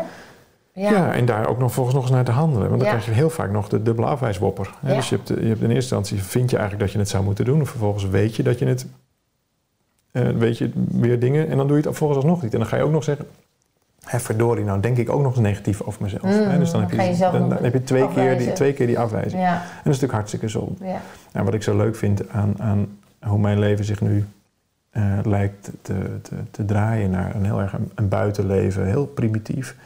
Eh, dus we zijn, ehm, we zijn misschien wel met het meest. Ik weet, ik heb dat nooit, nooit gecheckt hoor, maar eh, het zou me niks verbazen als het de meest oude oerrite is die nog precies zo ge- gegeven wordt. Dat is nooit, eh, dat is nooit geëvalueerd. Hoe kwam je op die zweethut? Want daar, dat heeft nu echt je passie. Hè? Je zei Ja. net, eh, iedere dag hebben we wel een zweethut-ceremonie. Je Ja. doet hem niet iedere dag, maar je zou hem iedere dag wel willen doen. Ja. Hoe kwam je daar zo op? Heb je hem zelf een keer gedaan en greep het je? Ja, Kwam en je in precies dat. Ik was uitgenodigd door een vriend, acht jaar geleden geloof ik. En eh, het was op nieuwjaarsdag en het was een nieuwjaarsritueel. En, hij doet allerlei rituelen en daar was dus weet het een onderdeel van. Hmm. Ik wist niet wat het was, maar hij was er enthousiast over. En een andere goede vriend van mij was er al eens geweest, die was er ook enthousiast over. Ik denk, nou, ik ben, sta altijd open voor dat soort nieuwe dingen. was nieuwsgierig. Leuke, leuke mannen, dus ik denk, nou gaan we met een groepje dat doen. En ik kom daar en eh, ik, wist, ik wist echt niet eens eh, wat het was. Ik had me er verder niet in verdiept. Ik, ik moest een handdoek meenemen. Nou, dat heb ik nog wel ergens. En, en ik ben daar eh, in dat eh, hutje. Dus je moet je voorstellen, een soort iglootje met, eh, met dekens. Eh, en dan komen hete stenen naar binnen. En dan zit je met elkaar rondom die hete stenen. Er gaat een lapje voor de iglopoortje en dan is het donker. En dan gaat wat water overheen. Dan heb je een soort opgietingachtige setting. Hmm. Dus ik ging daarin zitten en, en, en, en ik werd broeder genoemd. Dat werkte voor mij ontzettend goed. Ja. Dus ik, ik werd niet benoemd bij, eh, of genoemd met allerlei ballen. Het, hebben, het dragen van een naam kan ook al Zeker. ballast zijn. Ja. Dus ik, werd een broeder genoemd. Ze waren helemaal niet geïnteresseerd in wie ik dan allemaal wel of niet was. Of, of wat mijn verleden was, of wat mijn toekomstplannen waren. Nee, maar ik was gewoon broeder en ik, ze vonden het helemaal geweldig dat ik daar was. En, eh, en, en even zoals alle anderen, wat zullen er geweest zijn, twintig man of zo. En we gingen daar zo binnen zitten rond die, eh, rond die stenen. En ik voelde me voor het eerst van mijn leven ergens thuis. Ik had dat nog nooit ervaren, maar wel altijd geweten dat dat zou bestaan. Een gevoel van thuis, ehm, dat, was, dat was denk ik wel een soort onbewuste zoektocht. En ik zit daar en dat was ongeveer de laatste plaats waar ik dat verwacht zou hebben. Hmm. Je gaat er nou in de, ja, het is een beetje op de stoffige grond en dan... En, en Je was ook naakt en- ja, in deze ik weet eigenlijk niet of dat... Bij ons is dat gewoon vrijblijvend. Ja, ik ik, weet eigenlijk niet meer. Of die, ik denk zelf. eigenlijk niet eh, in die tijd. Maar je kiest gewoon... Weet je, wij zeggen ook van maak daar nou geen non-issue Nee. van. Het is, het is donker, maar voor sommige mensen is dat gewoon een enorme drempel. En Ja. wij willen juist die drempel wegnemen. Weg. Alleen, het, het begreep ik pas later, maar het staat ook voor een soort wedergeboorteritueel. Ja, en ik ben ook niet geboren met mijn zwembroek aan. Nee. Maar je neemt ook een handdoek mee naar binnen. Je bent ook niet geboren met een handdoek. Nee. Dus het, het, het is allemaal een metafoor natuurlijk. Ja. Maar goed, ik ging daar zitten en die man die begon te zingen. En toen, toen ging het eigenlijk... eh, Toen raakte toen dat. raakte dat. En Mm. Ik denk later nou eigenlijk met wat we, waar we het net over hadden. Want ik kon namelijk die liederen meteen meezingen. En ik had ze nog nooit gehoord. En het waren ook niet de allermakkelijkste mantra's. Ook nog eens in een taal die ik niet sprak. Nee. En ik kon ze gelijk meezingen. Het kwam ergens vandaan en ik, het begon te zingen, zou je Ja. kunnen zeggen. Waar ik onderdeel van was. En dat overweldigde me enorm. Ja. Er kwamen echt heel veel tranen van geluk.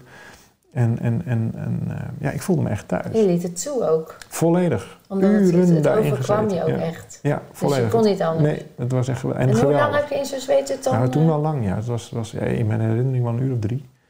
Het is echt wel... eh, Want wat is, een, een, een, wat, is er een tijd aan gebonden of gaat het gewoon in de flow en op een gegeven moment voel je, je moet Ja, ik eruit? vraag vaak aan mensen van... eh, nou, je gaat er met, met elkaar in en met elkaar uit. Ik vraag vaak aan deelnemers aan het eind van... hoe lang denk je dat we erin hebben gezeten? Ja, en dan zeggen ze, ja, zo een half uurtje, drie kwartier. Dan hebben ze soms wel 2,5 uur in gezeten.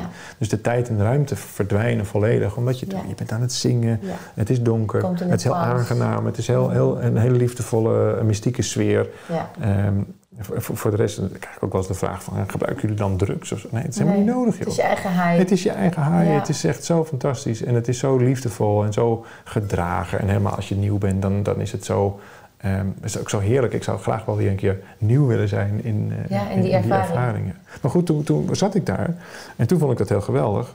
En, da- en dan komt het ego daarna. Oké, dit is dus geweldig. Hier moeten we wat mee. Oh. En toen ben ik nog wel een paar jaar op zoek geweest. Ben ik langs allerlei verschillende zweethutten geweest.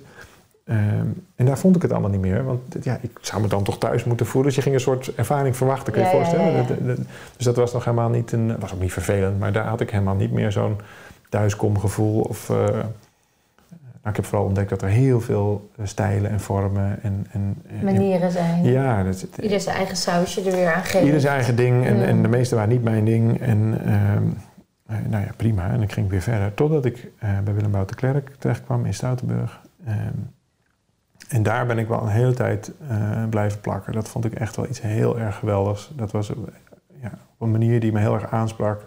Heel direct, heel, direct eh, heel powerful, heel mannelijk zou je kunnen zeggen. Hmm.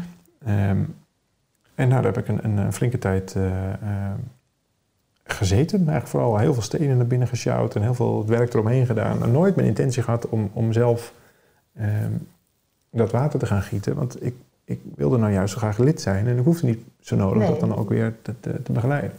Mhm. Maar goed, het bloed kroop waar het niet gaan kon. Eh, dus diezelfde vriend die me ooit eh, zo'n acht jaar geleden meenam, die zei een aantal jaar geleden van, joh, ik heb een eh, plekje geboekt op een watergietersopleiding. Ehm, zou dat niks voor jou mee? zijn? Wil je zo'n initiatiepad? Dat was bij een hele andere tribe. Ik zeg, nou, als ik kan, dan, eh, dan ga ik mee. Maar ik wist eigenlijk wel zeker dat ik, dat ik niet zou kunnen. Ik had zo'n volle agenda altijd. Ja hoor, precies al die dagen die er gepland stonden, waren elke keer was een gaatje in mijn agenda. Ik nou, dat is een mooi teken, laten we gaan. Ja, mooi is dat. Ja. Nou goed, en de rest is geschiedenis. Ja. Ja. En nu leef je daar echt je passie in. Hè? Je geeft ze zelf. Met andere mensen doe je het samen. Je zit niet iedere dag zelf erin, zei je. Nee, nee, nee. Er zit een vrij grote groep. ehm, we hebben twee locaties inmiddels. Ehm, bijna dagelijks eh, zijn er ceremonies waarvan een, een, een heel groot deel ook openbaar. Dus dan kun je gewoon een los kaartje verkopen. We hebben ook vaste programma's. Ja, dat is zalig. En het is ook vooral heel zalig om bij anderen in de zweten te zitten. Dus het komt heel vaak voor dat ik daar wel ben. En ook wel in de hut, maar niet zelf het water giet. En volgens mij is het, hè, wij- hebben zelf hier, ik ben, wij gaan al vanaf de heel jongs van ga ik naar de sauna. We hebben zelf hier een eigen wellness gecreëerd. We hebben ook een sauna. Eh, hoe heter, hoe beter, zeggen we altijd. Mm, Ehm, er komt op een gegeven moment een punt dat het ongemakkelijk voelt. mm. En de sauna is waarschijnlijk niet te vergelijken met een zweethut, want dat, dat volgens mij buit op. En inderdaad wordt het steeds eh, warmer en ga je steeds meer zweten. En kom je ook op dat punt waar je hartslag omhoog gaat en waar je misschien voelt, ik wil eruit. Mm. En dat is volgens mij het punt waar je dan naar jezelf terug moet. Waar je, hoe gaat dat? Is dat ook, want, want in een sauna-ritueel ga je op een gegeven moment gewoon die sauna uit. Ja, Eh, dat zou, dat zou hier ook kunnen hoor. ja, Als- wij als hebben het, niet eh, zo'n klokje, wij gaan op nee. gevoel. Maar Ja. hoe is dat daar? Hoe, hoe gaat dat dan? Er komt zo'n punt, Ja. kan er komen, laat ik het even niet invullen al. Ieder beleeft op zijn eigen manier. Dat het inderdaad voelt van poeh. Maar, maar ik kan niet meer. Of mijn body gaat op alle manieren. Nee, dat, dat kan zeker. Alleen dan, dan zit je heel erg. Dan ben je blijven plakken zeg maar, op het fysieke stuk. Dus daarom, zeker met nieuwe mensen, te gieten we altijd de eerste twee rondes eh, vrij kalm. Zodat je lichaam weet: oké, dit is helemaal oké, hier hoef ik niet mee bezig. En dan kun je veel meer naar het metafysische stuk Mooi. van eh, samen zingen. Eh, je, je ervaart een soort, bijna een soort zweefkracht. Ja. ehm, van, vooral als je, heel- als je, als je meezingt. Ja. Dus als, je, als jij bezig blijft met, oh, ik zit niet zo lekker over, hoe heet wordt het, oh, waar moet ik heen, enzovoort. Ja, dan, dan is het ook helemaal geen prettige ervaring. Maar goed, dat, dat, daar, is het ja, daar, daar gaat het helemaal niet over. Het laat zich slecht vergelijken met een, met een sauna, Ja. omdat in een sauna heb je te maken met stralingswarmte. En in de zweethut, in ieder geval zoals wij het doen, er zijn allerlei soorten, maar zoals wij het doen heb je te maken met contactwarmte. Dus het is eigenlijk pas, je ervaart pas de warmte als het water, de, de waterdamp je raakt. En dus je voelt je veel meer eh, omgeven door eh, de warmte. En dat is geen extreem hitte. Onze, eh, de temperatuur in de zweethut is maar 43 graden. Dus dat valt reuze mee, Ja. zou je zeggen. Maar juist die, die damp die maakt dat het... Maar 43 warmtebeleving- graden eh, contactwarmte is wel pittig, eh, maar daarmee 100% veilig. Want Ja. 43 graden kun jij prima hebben. ja, Ehm, alleen je ervaart het wel als, wow, er zit iets om me heen. Het is, het is, het is mooi warm om me heen. Nou, in, in, en dan gaat natuurlijk de deur open. Ik zit er zelf ook in. Ik ben nog nooit verbrand, dat gaat ook nooit gebeuren. Dus daar, daar gaat het helemaal niet over. Nee. Dan gaat de deur open, dan vliegt die, die, die rook eruit. Of de rook, de, de waterdamp, ja. eh, die vliegt eruit. ja, Nou, dan wordt het weer heel aangenaam eh, koel. ja, Dus de, grond, eh, de, de grondtemperatuur warmt letterlijk niet op. Nou, dat is in de sauna echt anders. In stralingswarmte is die temperatuur van de, van de vloer ook. Dan kun je niet met je blote voeten opstaan in de regel. Dus het is echt iets anders. Mhm. We zweten ook niet zoveel in de zweethut. Dat is eigenlijk ook wel grappig. ja. Ehm, omdat de luchtvochtigheid 100% is, kun je niet eh, zweten. Het heeft geen zin, want er valt niks te verdampen. Eh, en dan gaat je lichaam die warmte naar binnen toe brengen. En dan probeer je het weg te houden van de, van de hersenen en bij de, bij de vitale organen. Dus wat, wat, ze, eh, wat het lichaam doet, is je de warmte opslaan, of opslaan, de, de warmte mag wel naar de botten. En dat is mooi, want wat zit er in je, in je botten? Daar zit, je, eh zit die stamcellen, Ja. zit je, je beenmerg en daar zitten die stamcellen. Dus wat, wat, wat wij zeggen, ik weet helemaal niet of dat eh, eh, heel diep onderzocht is, maar ik vind het beeld in ieder geval heel mooi. Van je, je, je roept eigenlijk je eigen geheugen weer aan vanuit je stamcellen. En Inipi, dat betekent uh, zweethut in Lakota, waar deze traditie vandaan komt. Dat betekent huis van de eerste adem. Dus dat wat als eerste ooit geademd heeft. Dus de eerste cel, hè, we zijn het uit water en mineralen zijn we geboren. Nou, wat, waar, gaat, waar gaat de zweethut over? Water en steen. En die brengen we bij elkaar. Dus het is eigenlijk die oerknal die we weer uh, in herinnering brengen. Activeren. activeren. En dan herinneren we ons door te zingen, door aanwezig te zijn. Dat is helemaal niet actief hoor, maar dat, dat, dat is wat het betekent. Ja, dat, dat maakt is die aanwezigheid, want anders schiet Precies. je weer in je gedachten. Precies. Je... Naar dat wat als eerste Ja. ademde. Dus het eerste wat ooit uit het water optrok en die dat hele kleine hapje lucht nam. Daar, daar, zit, daar ligt onze oorsprong. En dan gaat het over, kun je vrede sluiten met alles wat ertussen zat. Dus, dus vanaf die oorsprong, vanaf die oerkanaal en dan vervolgens het eerste wat ademde tot en met nu, uh, kun je daar helemaal in vrede in mee zijn. reinen komen. Mm. Ja, en dat is, de, dat is denk ik, wij, wij zeggen altijd remember who you truly are. Ja. Dus de herinnering aan dat wat je ten diepste al bent. ja. En, of je, we. Wat het, Mm, wat, het, het, het, collectief zijn. interessante is, in, in de Lakota bestaat het woord ik niet. Nee. Dus er is niet, en, en daarom zei ik net ook over dat Ja. zelf, er is geen zelf, er is alleen maar uh, Ons, collectief. Er is alleen maar ja. ons. En dat is dus zo mooi. Dus het is de herinnering van dat wat het eerste ademde. Ja, daar, daar ben je nog steeds mee verbonden. ja. Dus ja, dat heeft een heel uh, heilzaam effect. Dat En heeft een heel, ja. heel, ja, een, een heel uh, verbindend effect. Dus, dus in die zweethut-setting, in die Inipi-setting, daar ervaar ik, daar voer ik denk ik toen, acht jaar geleden, voor het eerst liefde.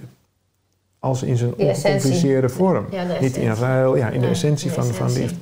Nou, toen kwam er een beetje een zoektochtje en ik denk dat ik nu weer op dat punt ben, punt ben dat, ik, dat ik dat niet alleen maar in de zweethut uh, wil en kan ervaren, maar dat het af en toe me ook lukt om van sommige settings, nou, zoals in dit gesprek of, of in de seminars die ik nog wel geef, uh, om, om die, die, Die liefde te die liefde, die verbinding, uh, um, dat, ja, belangrijk is ook weer zo'n gek woord, maar om, nou, goed, om dat belangrijk te maken in plaats van, uh, was het wel goed, uh, begrepen ze het wel, uh, vonden ze me nog een beetje grappig enzovoort. Dat is een heel andere focus. Het is een hele andere focus. Een hele andere ja. focus. Ja. Want mijn vraag was, die ik wilde stellen, maar je hebt eigenlijk het antwoord al gegeven, is wat heeft het jou nou concreet opgeleverd?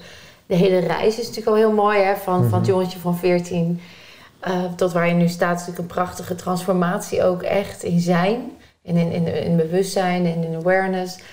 Maar vooral ook in liefde. Uh, wat ik eigenlijk, als ik hem als rode draad nu voel, is waar je nog misschien mee opgevoed of we mee opgevoed zijn, is uh, maak je afhankelijk van anderen of leef volgens anderen of mm -hmm. leef die norm naar de true as the essence of being. Dus echt um, stap gewoon in liefde en je bent. Hè? Dus het, we zijn of zo. Dus het, het lijkt wel een soort prachtige reis, juist. Uh, je, het begon al doordat je een beetje uh, verwijderde van die, van die normen. Mm -hmm. daar, daar heb je al heel bewust ja. of onbewust stappen in gezet. Ja, en het paste niet. Het ja. paste niet, dus daarin heb je, ben je al true aan jezelf gebleven Mhm. door daar ook naar te luisteren. Of het nou kwam vanuit pijn of vanuit... Het was voor jou wel de route naar dat stuk van blijf trouw aan jezelf. omdat je in verbinding met het collectief bent, kun je toch trouw. Dat vind ik juist zo mooi in dit gesprek. En ik hoop dat mensen dat kunnen pakken. Dat het dus niet gaat om je identiteit, wie ben jij in het geheel, maar je bent onderdeel van het geheel, terwijl je wel trouw blijft aan jouw essentie.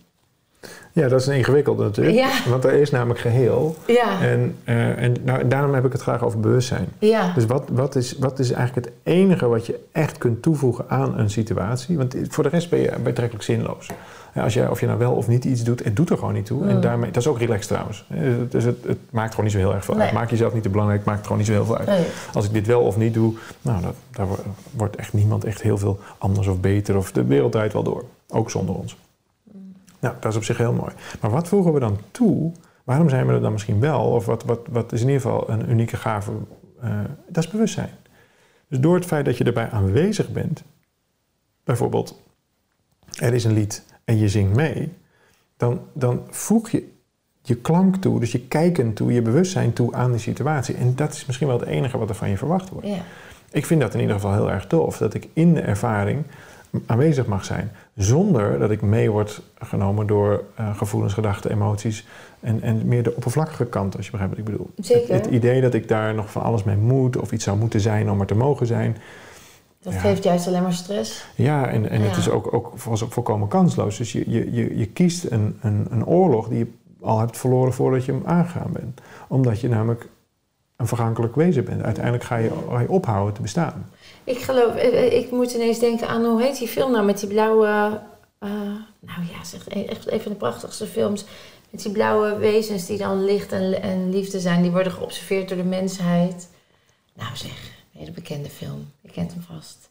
Nou ja, het maakt niet uit. ik kom er nog wel op. Maar dat, dat, dat, dit is zo. Dit is precies wat, wat ik dan wel, als ik dan kijk naar eh, energie en, en, en, en transfer of energy, maar ook het eh, alles is energie.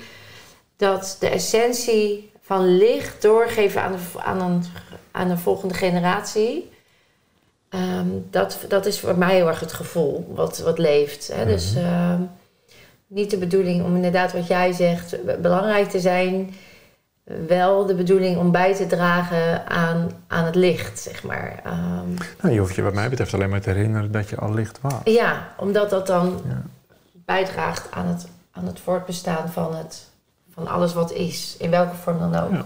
Ja, Ja, in, in verlichting. verlichting, Ja, ja. ja. dat, dat is een mooie manier om er naar te kijken. Wauw, Ja. ja. dat is ook denk ik leuk. En ik denk ook...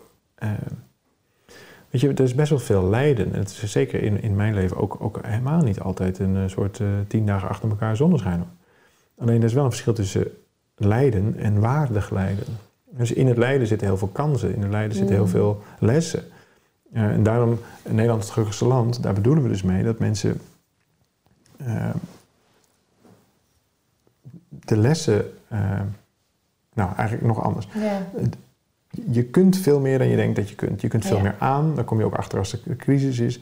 Ehm, maar er zijn ook dingen die je nou eenmaal gewoon nog niet geleerd hebt. Maar dat wil nog niet zeggen dat je niet kunt. Ja. Als, je, als je dat ehm, begint door te krijgen, dan pas kun je eigenlijk gaan verbinden vanuit die plek van bewustzijn. Ja. Want dan ontstaat eigenlijk pas bewustzijn. ja. En je zou kunnen zeggen, er zijn eigenlijk twee routes. Ehm, linksaf is de route waarbij je vader was smid, jij wordt smid en je zoon wordt ook smid. Dus het, het pad ligt eigenlijk al voor je klaar. Mm. Hè, Je kunt, je kunt eh, goed rekenen op school. Nou, dan ga je een eh, exacte studie doen. Dan vervolgens eh, word je uiteindelijk, als je het op het allerhoogste niveau doet, word je vervolgens professor die Ja. vervolgens weer mensen uitlegt hoe je moet rekenen. ja. Dan ligt het pad eigenlijk al voor je klaar. Mm. De andere route, als je rechtsaf gaat, ik weet niet of dat dan rechtsaf is, maar in ieder geval in mijn beeld nu de andere route. Dat is, de- dat is een heel hobbelig, eh, eh, een beetje woest pad. Omdat dat Mhm. namelijk een pad is wat niet voorbestemd is. Wat niet, eh, mijn vader was smid, ik word smid. Nee, mijn vader was onderwijzer en, en ik weet het niet. ja. En in dat niet weten ontstaat er dus iets heel nieuws. Nou, daar vindt volgens mij evolutie plaats. Daar vindt leren plaats. En dat is zeker niet een makkelijkere route, integendeel. Maar dat is wel voor mij de enige route. Mits op het, in het onderwijs zo begeleid zouden worden dat, dat, dat, dat, hoe, de, hoe je dat kan doen. Want het wordt, het wordt uitdagender omdat we nou eenmaal in een keurslijf worden opgevoed. Terwijl als je daar in vrijheid wordt opgevoed, wat al op heel veel scholen trouwens inmiddels aan het Mm. ontstaan is, gelukkig. Zeker, eh, zou je dat natuurlijk weer als de, eh, wordt dat weer normaal, zeg maar. Dan zou die vrijheid. eh, Ik ben wel eens geïnterviewd voor een boek. Oh, ik heb- moet het nog eens nazoeken. die film is trouwens Avatar. Avatar, ah, oké. Ja, ja, ja. ja, dat is wel een hele bekende film. Ja. Ja. daar deden ze wel iets anders nog met die, met die mensen. Ja. ja. Eh, ik ben wel eens geïnterviewd voor een boek voor, van, voor dropouts. Dus, eh, Ja. eh, en, daar, en daar moest ik al allerlei tests ondergaan en zo. Want dat was wel grappig, want daar gingen ze naar de persoonlijkheidsprofielen kijken van mensen die dus niet de school hadden afgemaakt en wel enig iets hadden neergezet of bereikt hadden in het leven. En daar allerlei verschillende mensen aan mee. Nou, ze mij ook voor gevraagd. En, en een van die vragen was, want dat was eigenlijk het- de basis van het onderzoek, van hoe zouden we het schoolsysteem moeten aanpassen? En mijn antwoord was niet. En daar schrok ik zelf een beetje van. En ze zei, hè, maar je hebt toch eh, je hebt een probleem op school gehad en je bent uiteindelijk eh ben je drop-out. En jou. ik zeg, ja, alleen nu, nu lijkt er een oordeel op te zitten dat, Ja. dat, dat dat dus het onderwijs had moeten. Maar voor mij was dit dus het perfecte onderwijs. Het past jou juist daar. Ja, moet je ja. je voorstellen dat ik dus wel alle vrijheid had gehad en op school had ik waarschijnlijk iets makkelijker schooltijd gehad. Ja. Maar ja, ik ben heel happy met. Hè, dus eh, vaak bij dit soort dingen zit, zit een soort randje in hoop op een beter verleden. En, en ja, ik ben eigenlijk wel heel happy met dat niet zo makkelijke eh, verleden op school. Maar dat is dan precies weer de essentie die je raakt. Want dat is dus weer dat het leven, hoe het ook loopt, jij gewoon in die aanvaarding, in die rust, in die eh, groei, in dat groeimodel blijft. Waar je het gewoon gebruikt als een cadeau, wat je hebt uitgepakt. In plaats van, ja, hadden ze het zo gedaan dan? Nee, dat weet je niet. Het heeft jou nu dit gebracht en daar heb je aanvaarding en ben je blij en dankbaar voor. En dat is een hele mooie manier om om te gaan met wat er ook gebeurt. Ja, dat eh, aanvaarding en Ja. eh, blijdschap en dankbaarheid ja. is misschien wel de, de hoogste vorm van vergeving. toch? Vergeving, ja, precies. Nou, als je, als je echt Ja. oprecht dankbaar kunt zijn voor voor dat, wat is overkomen. is, geweest, ja. dan, dan heb je het ook vergeven. En dan heb je het denk ik ook voor je eh, eh, gebruikt. En niet alleen voor jou, maar ook voor anderen voor Maar- je gebruikt. en dan komen we, als we het dan weer over zelfgeheugen hebben, ook in dat je het zowel voor generaties ervoor als erna niet meer attached bent aan dat oude stuk, waardoor het zich niet meer hoeft te herbeleven, zeg maar. Dan is het los, dan is het detached. En dan zal er dus ook een bewustzijnsshift komen, ook collectief. Hè? Dus daar, dat is waar we het net over hadden. Als we in essentie weten dat we heel zijn, noem het even door te helen of door naar de essentie terug te gaan, welk word je daar ook aan Ja, daar komt het in grote tek op neer. Toch? Dan zijn we Ja. weer dan zijn we rond, David. Wat een mooi gesprek is dit. Ja. Jemig. Ik voel me nu al dankbaar voor dit gesprek. We gaan eh, naar een volgende categorie. Oké, oké. Want ik kan met jou volgens mij nog Zeker, uren filosoferen. Dat kan gaan we vast dat ook nog doen. nog. Ja, ik hou ervan. Ehm, ik ga je lekker even wat eh, keuzestress eh, geven. Nou ga jij natuurlijk helemaal niet aan keuzestress doen.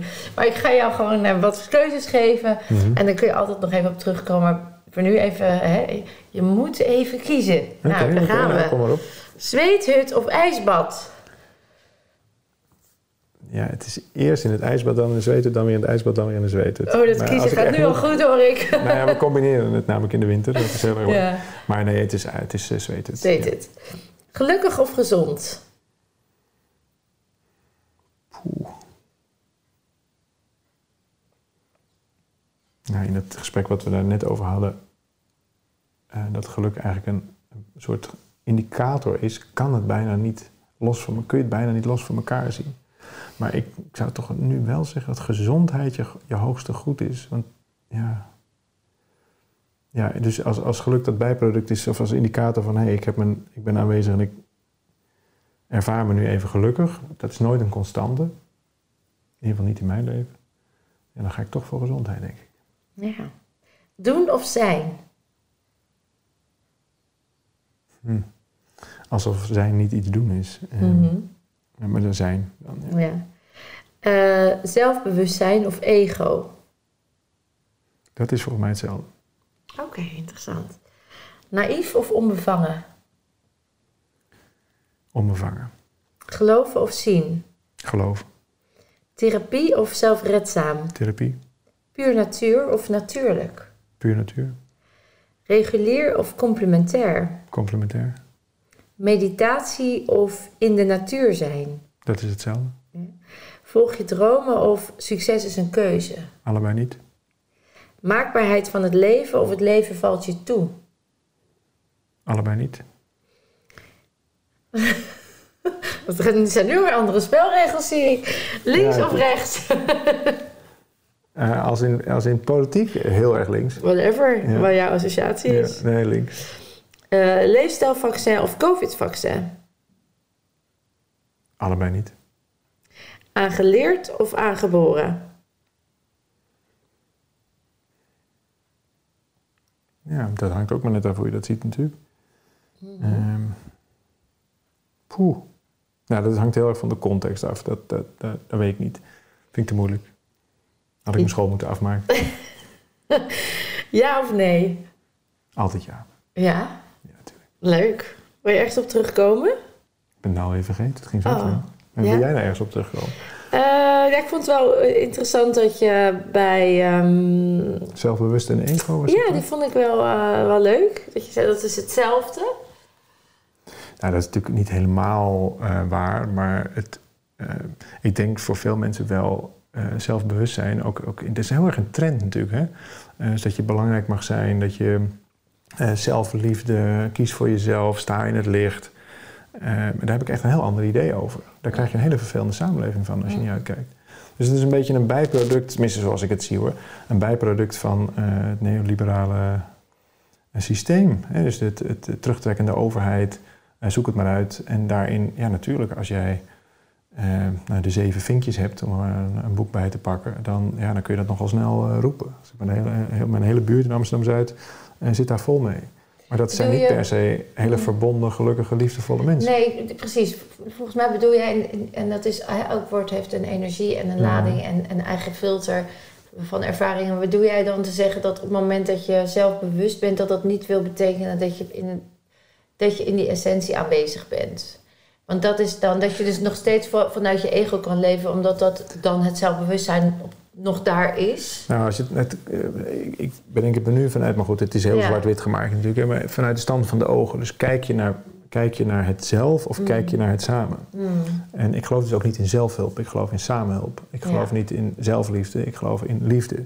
En, eh, en dus zelfbewust is niet eh, eh, bewust. Dat is een, een deeltje van het ego wat je. eh maar, maar het is op zich helemaal niet zo erg. Hè? Want in eerste instantie heb je ook iets te bouwen. Je hebt door te Ja, hebben dat je is- bestaat. Precies. Dus ik, Ja. ik weet niet of, of, ja, ik vind dat ingewikkeld. Ik moet er zo lang over nadenken. Mm. Maar ik denk als jonge mensen heel vroeg met non-dualiteit aan de slag gaan, kan het wel zo zijn dat ze op een gegeven moment aan het einde van hun leven niet door hebben gehad dat, dat, er ook, dat zij dat waren of zo, Mm. dat je erbij bent geweest. Hmm. Als je te vroeg opgaat in een groter geheel, ja, daar kwam je al vandaan. Als, als kind heb je ook niet zo'n Bewustzijn. zelfbewustzijn. Nee, zelfbewustzijn, nee. Heb je, op een gegeven moment krijg je lichaamsbewustzijn en op een gegeven moment Ja. krijg je omgevingsbewustzijn. Ja. Nou, en dan wordt er later nog een keer iets als zelfbewustzijn geboren. Alleen daar wil je niet in blijven hangen. Dat is eigenlijk mijn punt. Ja, dat is het. Maar dat is met elke fase, toch? Ja. Het lijkt wel een fase waarin je dan als tussenstap komt naar een next ja, sommigen blijven er wel lang in hangen hoor. Als je, als je gaat over spiritueel bewustzijn, dan dat, zijn, dat vind ik hele ingewikkelde mensen. Ja, ego met een spiritueel jasje noemen we dat wel. Ja, dat, eh, als er zodra je Mm. moet uitleggen dat je een spiritueel persoon bent, ben je het in ieder geval niet, is het mij Mm. gevraagd.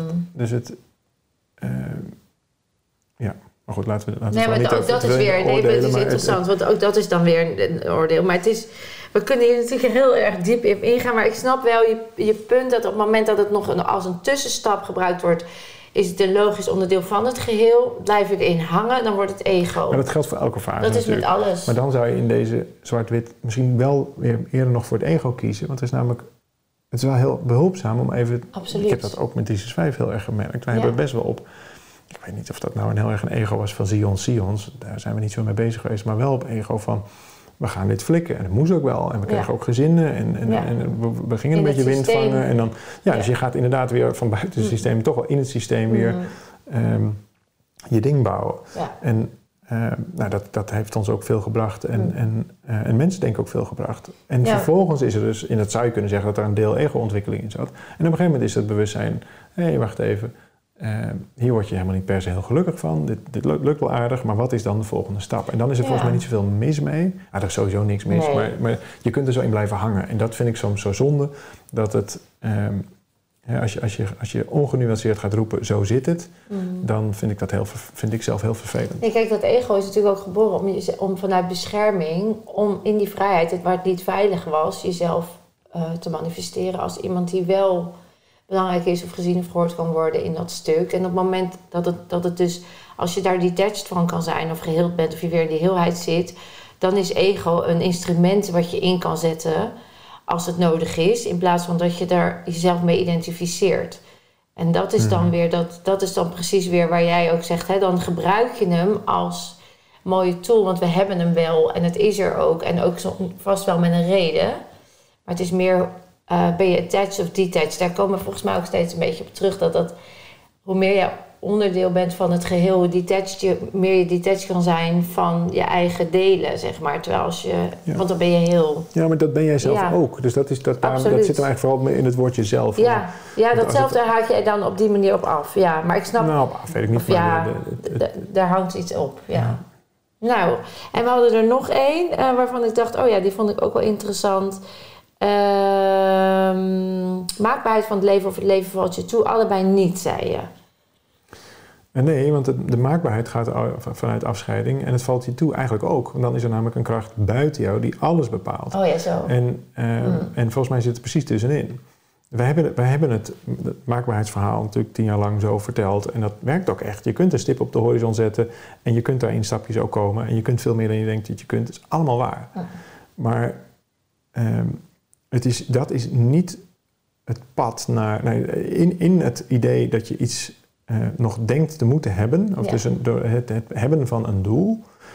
eh, zorgt er al voor dat je eigenlijk aan afscheiding doet. Eigenlijk ben je dan al niet meer Mm, eh, nu aanwezig. aanwezig met wat er nu is. Eigenlijk is dat al een teken van... Er moet eerst nog iets veranderen. Ja, min, min of meer. Mhm. En dan kun je heel succesvol in die kramp zijn. En dan vervolgens zul je zien dat het, als je daar aankomt... Nou, wij, wij kwamen er al vrij snel... Ja, eh, dat je dan alleen nog maar een nieuwe kramp moet hebben. Oh, dan gaan we weer een nieuwe stip zetten, Ja. want we zijn er nu al. en dan, al en dan, bereikt. en dan moet je, dan ga je nog harder werken of nog meer eh, Mhm. groter, whatever. Nou, dan kom je op dat neo- neoliberale, alles moet de hele tijd Ja. maar groeien. Terwijl op het moment dat het ehm, eh, een co-creatie is, dat is wat ik, wat ik veel meer ontdek bij de zweethut. Dat is zo intensief, dat is zo qua, qua hoeveelheid werk bedoel ik. Eh, eh, dat land, dat, ja, dat moet ook eh, bijgehouden. Er moeten gigantische hoeveelheden afvalhout dat we prachtig Ja. krijgen. maar dat moet gezaagd worden.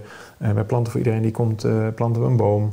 Er, zit, er zit een gigantische hoeveelheid werk omheen, wat helemaal niet kan eigenlijk. Dat is ook helemaal geen businessmodel. Dat is, dat is helemaal niet- dat, dat kan eigenlijk helemaal niet. Maar wat gebeurde er? Er kwam een landje op ons pad. Ja. En er zijn 40 vrijwilligers die de tuin doen. Ja. En daar hebben we helemaal niet om gevraagd, maar ze zijn er wel.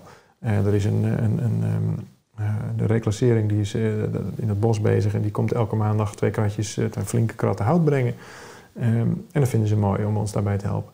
Dus daar hebben we nooit om gevraagd. Nou, dat is wat ik bedoel met het is een co-creatie. Wij hebben wel degelijk de intentie om zweethutten aan te bieden. Wij zijn daar ook. En vervolgens praat het universum als het ware terug. Mhm. Of misschien was het universum het wel voor en vervolgens zet- zetten wij weer een stap. Dus het is de co-creatie. Jij zet een stap of het universum zet een stap.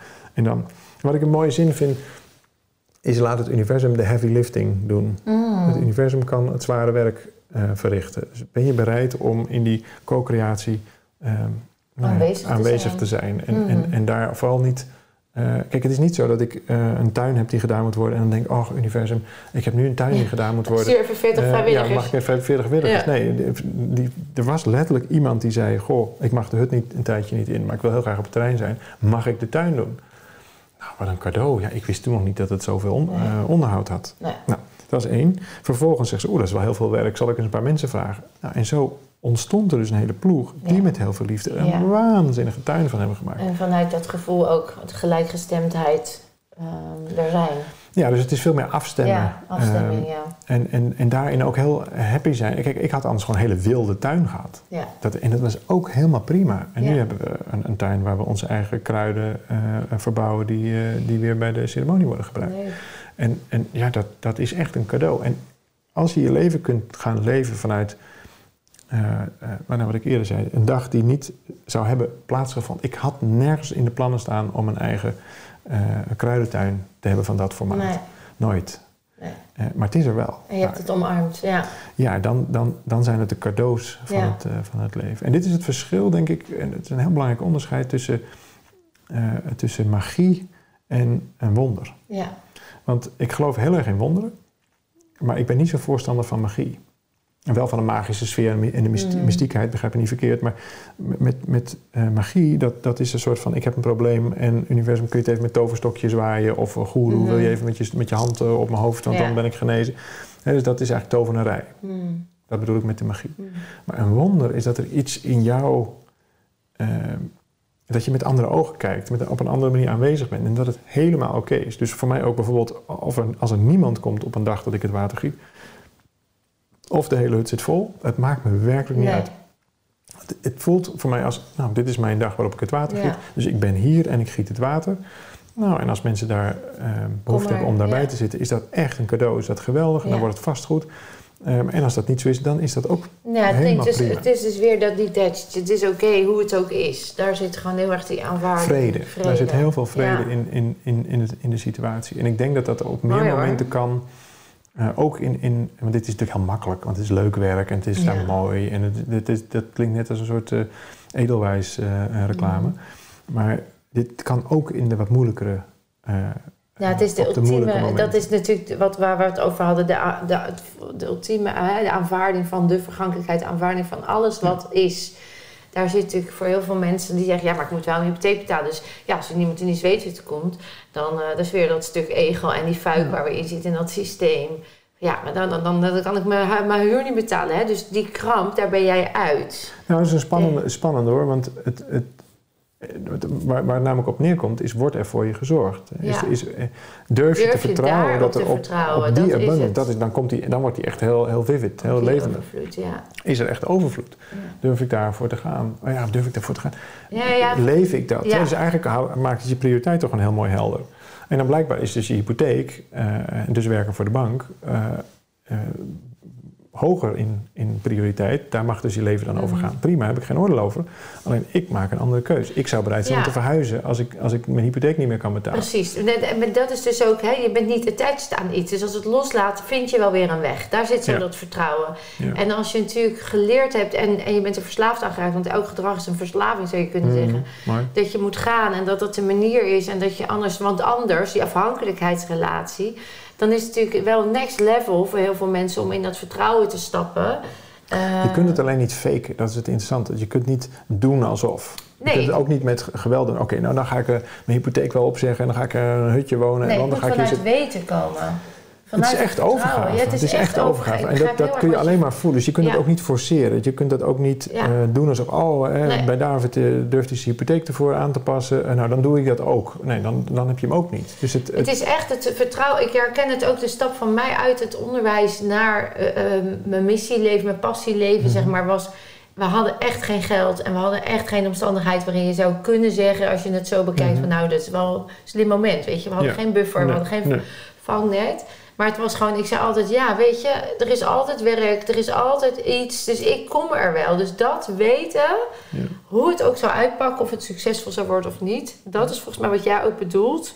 Van er is altijd hulp, er is altijd een Ja, alleen ook dat, is dus niet, dat kwam dus niet uit mij. Dus ik ben niet Ja. gaan vertrouwen op mij. Dus dit heeft niks te maken met zelfvertrouwen. Dat heb ik wel heel lang gedaan in, in de reis met de, nee, grote, met de vertrouwen op grote het grotere geheel. Juist. Ja, dat had ik Er ook. is ja. een groot geheel en het hoeft dus niet Nee. heel groot te zijn. Nee, nogmaals, als ik in mijn eentje daar zit één keer in de week en er komt verder niemand, nou, dan ben ik heel gelukkig één keer Ja. in de week daar. En dan is het ook goed. Dus sluit vrede met hoe het is. En, nou, en als, dat, als, dat, eh, als je daar het verschil kunt maken voor iemand, was natuurlijk wel de intentie die erachter zat. Ja.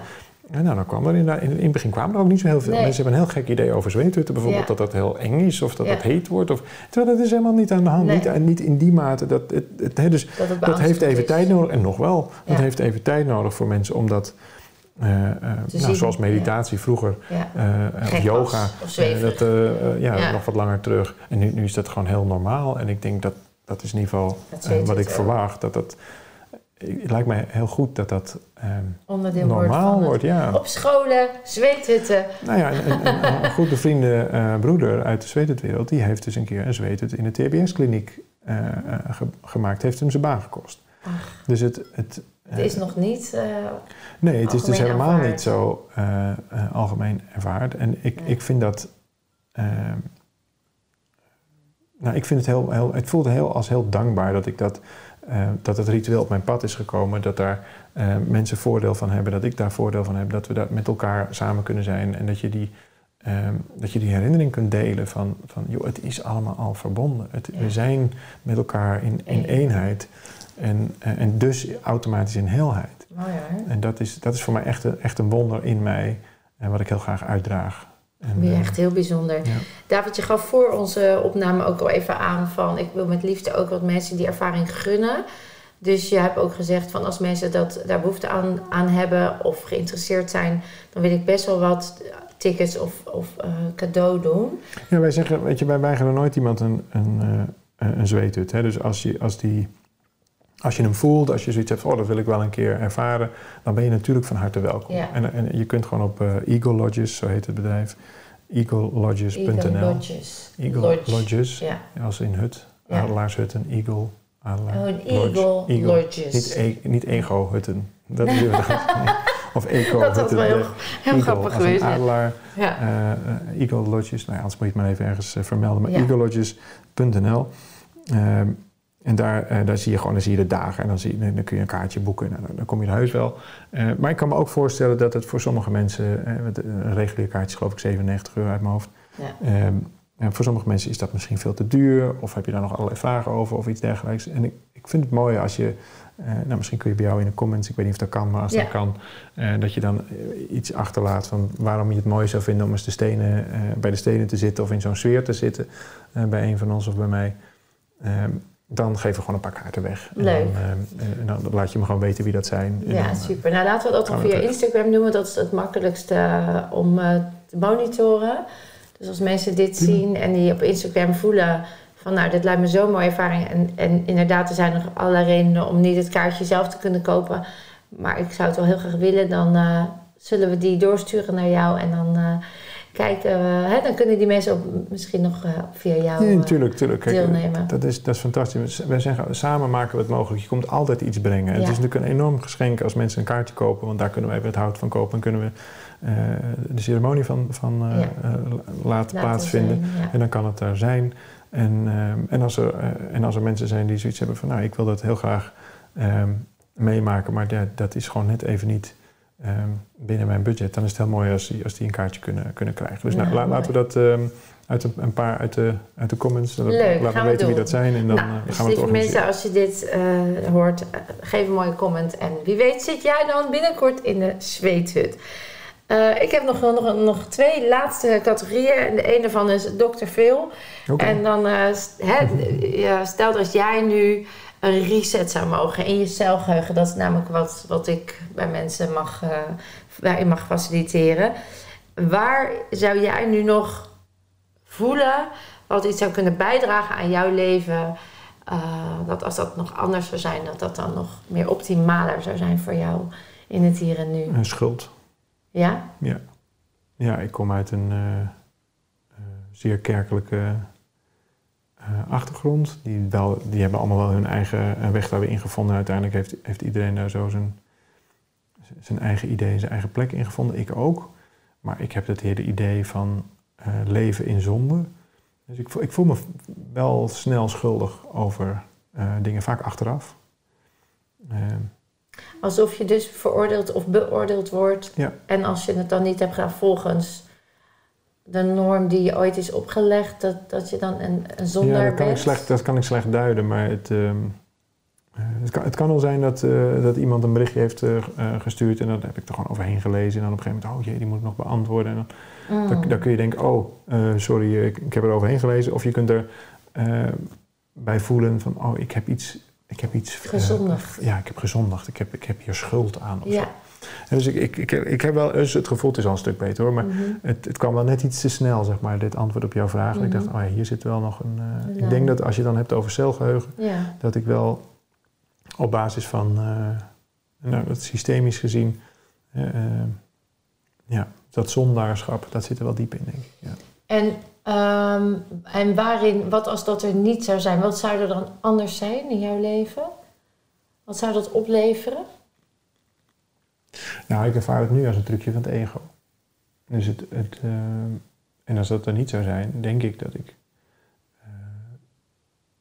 eh, het- in het me schuldig voelen over zoiets stoms als een berichtje wat ik dan niet beantwoord zou hebben, Mhm. doe ik aan verwijdering. Ik oordeel namelijk ook over de persoon alsof dat erg zou zijn. Of dat hij het niet zelf zou kunnen oplossen. Of weet ik veel. Er zitten allerlei uh, oordelen. Ik, maar ik zorg letterlijk voor, uh, voor afstand. Voor afstand. Terwijl ik in mijn, op mijn intentieniveau helemaal niet onzuiver heb gehandeld. Kijk, het is wat anders als ik iedereen de hele tijd loop te vermoorden. Dan is het misschien wel heel mhm. nuttig om, om je af en toe schuldig te voelen. Als een soort hè, uh, mm intern correctiemechanisme. Maar als je al schuldig voelt op iets wat eigenlijk helemaal niet nodig is... Mhm. dan, dan denk ik dat ik meer van die mensen kan houden. En, en, uh, en dat er dus meer uh, liefde zal zijn. Ehm, meer liefde in, in, in verbinding weer. Dus dat, ja, dat, eigenlijk ga ik uit verbinding. Dus, dus wat, heb ik dan, wat heb ik dan hersteld? Dus heb je ik zou meer verbinding, verbinding ervaren. Ja. En wat zou dat jou opleveren als je dan nog meer in verbinding zou zijn? Nou, wat mildheid, denk ik. Uiteindelijk uh, meer innerlijke vrede. Iets in die strekking. Maar, nou, laten we nog eens even een laagje dieper. Want als je dan innerlijke vrede zou ervaren, mm -hmm.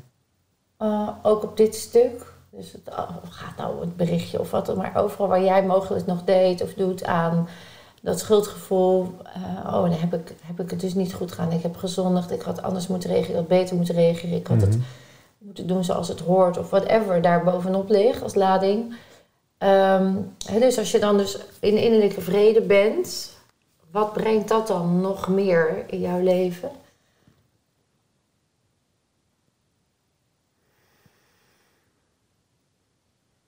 Nou, misschien word ik dan uh, heel gelukkig. zou kunnen. Ik denk dat het, dat het uiteindelijk, ja, als ik het nu voel, mm -hmm. denk ik, ja, dan, dan, gaat er, dan is er meer ruimte voor meer licht. Misschien wel meer uh, onbezonnenheid ook. Dat, ik, uh, dat, dat je met je meer durft. Mm. Dus het, dat zullen mensen denk ik niet zo snel van mij zeggen. Maar ik ben een ontzettend introvert uh, persoon. Het zijn vaak introverte mensen ook die podia zoeken. Het podium is veiliger dan de zaal. Mm. Op het podium heb je controle over wat er gezegd wordt en gedaan wordt. Uh, dus ik stap niet zo snel op uh, mensen af. Ik, stap niet zo snel, ik laat me niet zo snel zien in groepen. Dus ik leef een best wel teruggetrokken leven. Nou, misschien is dat, wordt het wat soepeler. Als je uh, als, je, als je niet, niet bij. bij uh, als je uit die schuldvraag kunt blijven, oh. dan kun je ook makkelijker ver, verbinden met uh, wat meer willekeurige mensen, denk ik. Maar het lijkt dan op als, als we dan weer teruggaan naar het begin van het verhaal waar je als jongetje de drop-out, je noemt het ook letterlijk mm -hmm. zo, dus ook een, een verwijdering, hè, het woord al. Nogal, ja. ja. En daar, daar zit ook een deel van jou, dus dat niet heel is omdat dat deel nog steeds moet voldoen. Hè? Op een bepaalde manier moet zijn of uh, zich aan een norm moet uh, houden. Ja, dat zijn eigenlijk twee. Hè? Dus er ja. zit één die het heel graag... Die is denk ik ook slim. Mm. Dus die heeft een hele krachtige wil en, en een eigen idee over hoe...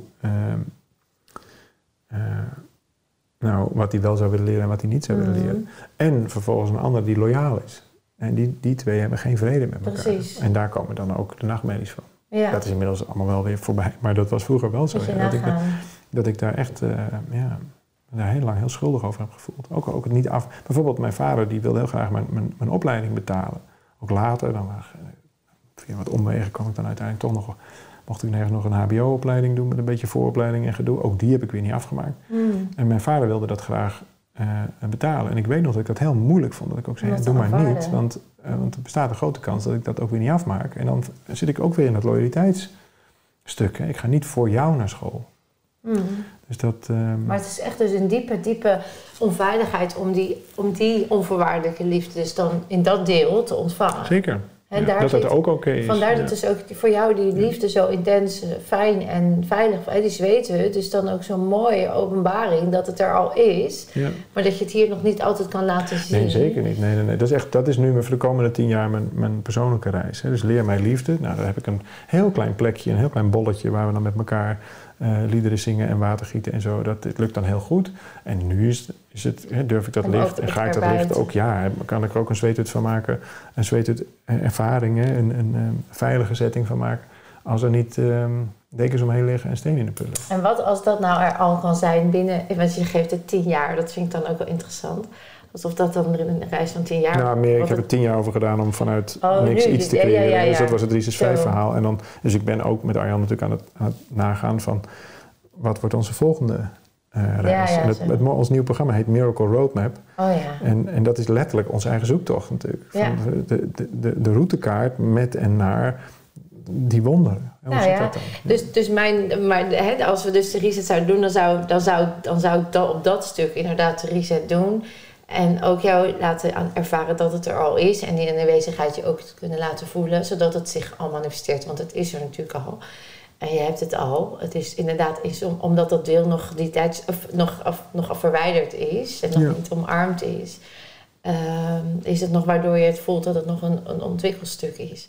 Terwijl, nou, met een reset is Ja. het er al, zeg maar. Dus dat, dat zou, daar zou ik op uitkomen dan. Dat deel. Nou, mooi. Maar ja, nou, misschien moeten we dat maar eens doen. gaan we het dan maar doen. Ja, leuk. Leuk. Ehm, voor nu heb ik als laatste nog even veelzeggend. En dan vraag ik altijd, David, je hebt natuurlijk al zoveel moois gezegd. Eh, maar misschien zeg je wel, nou, nu ik toch hier dit momentum heb. Wat zou je dan nog de kijker en of luisteraar mee willen of kunnen geven? Nou, wat ik een hele mooie zin vind, die komt van mijn leraar Willem Glaudemans. Eh, alles is liefde of een schreeuw om liefde. Alles is liefde of een schreeuw om liefde. Ja. En als je goed naar die zin kijkt, dan is zelfs de schreeuw om liefde nog steeds liefde.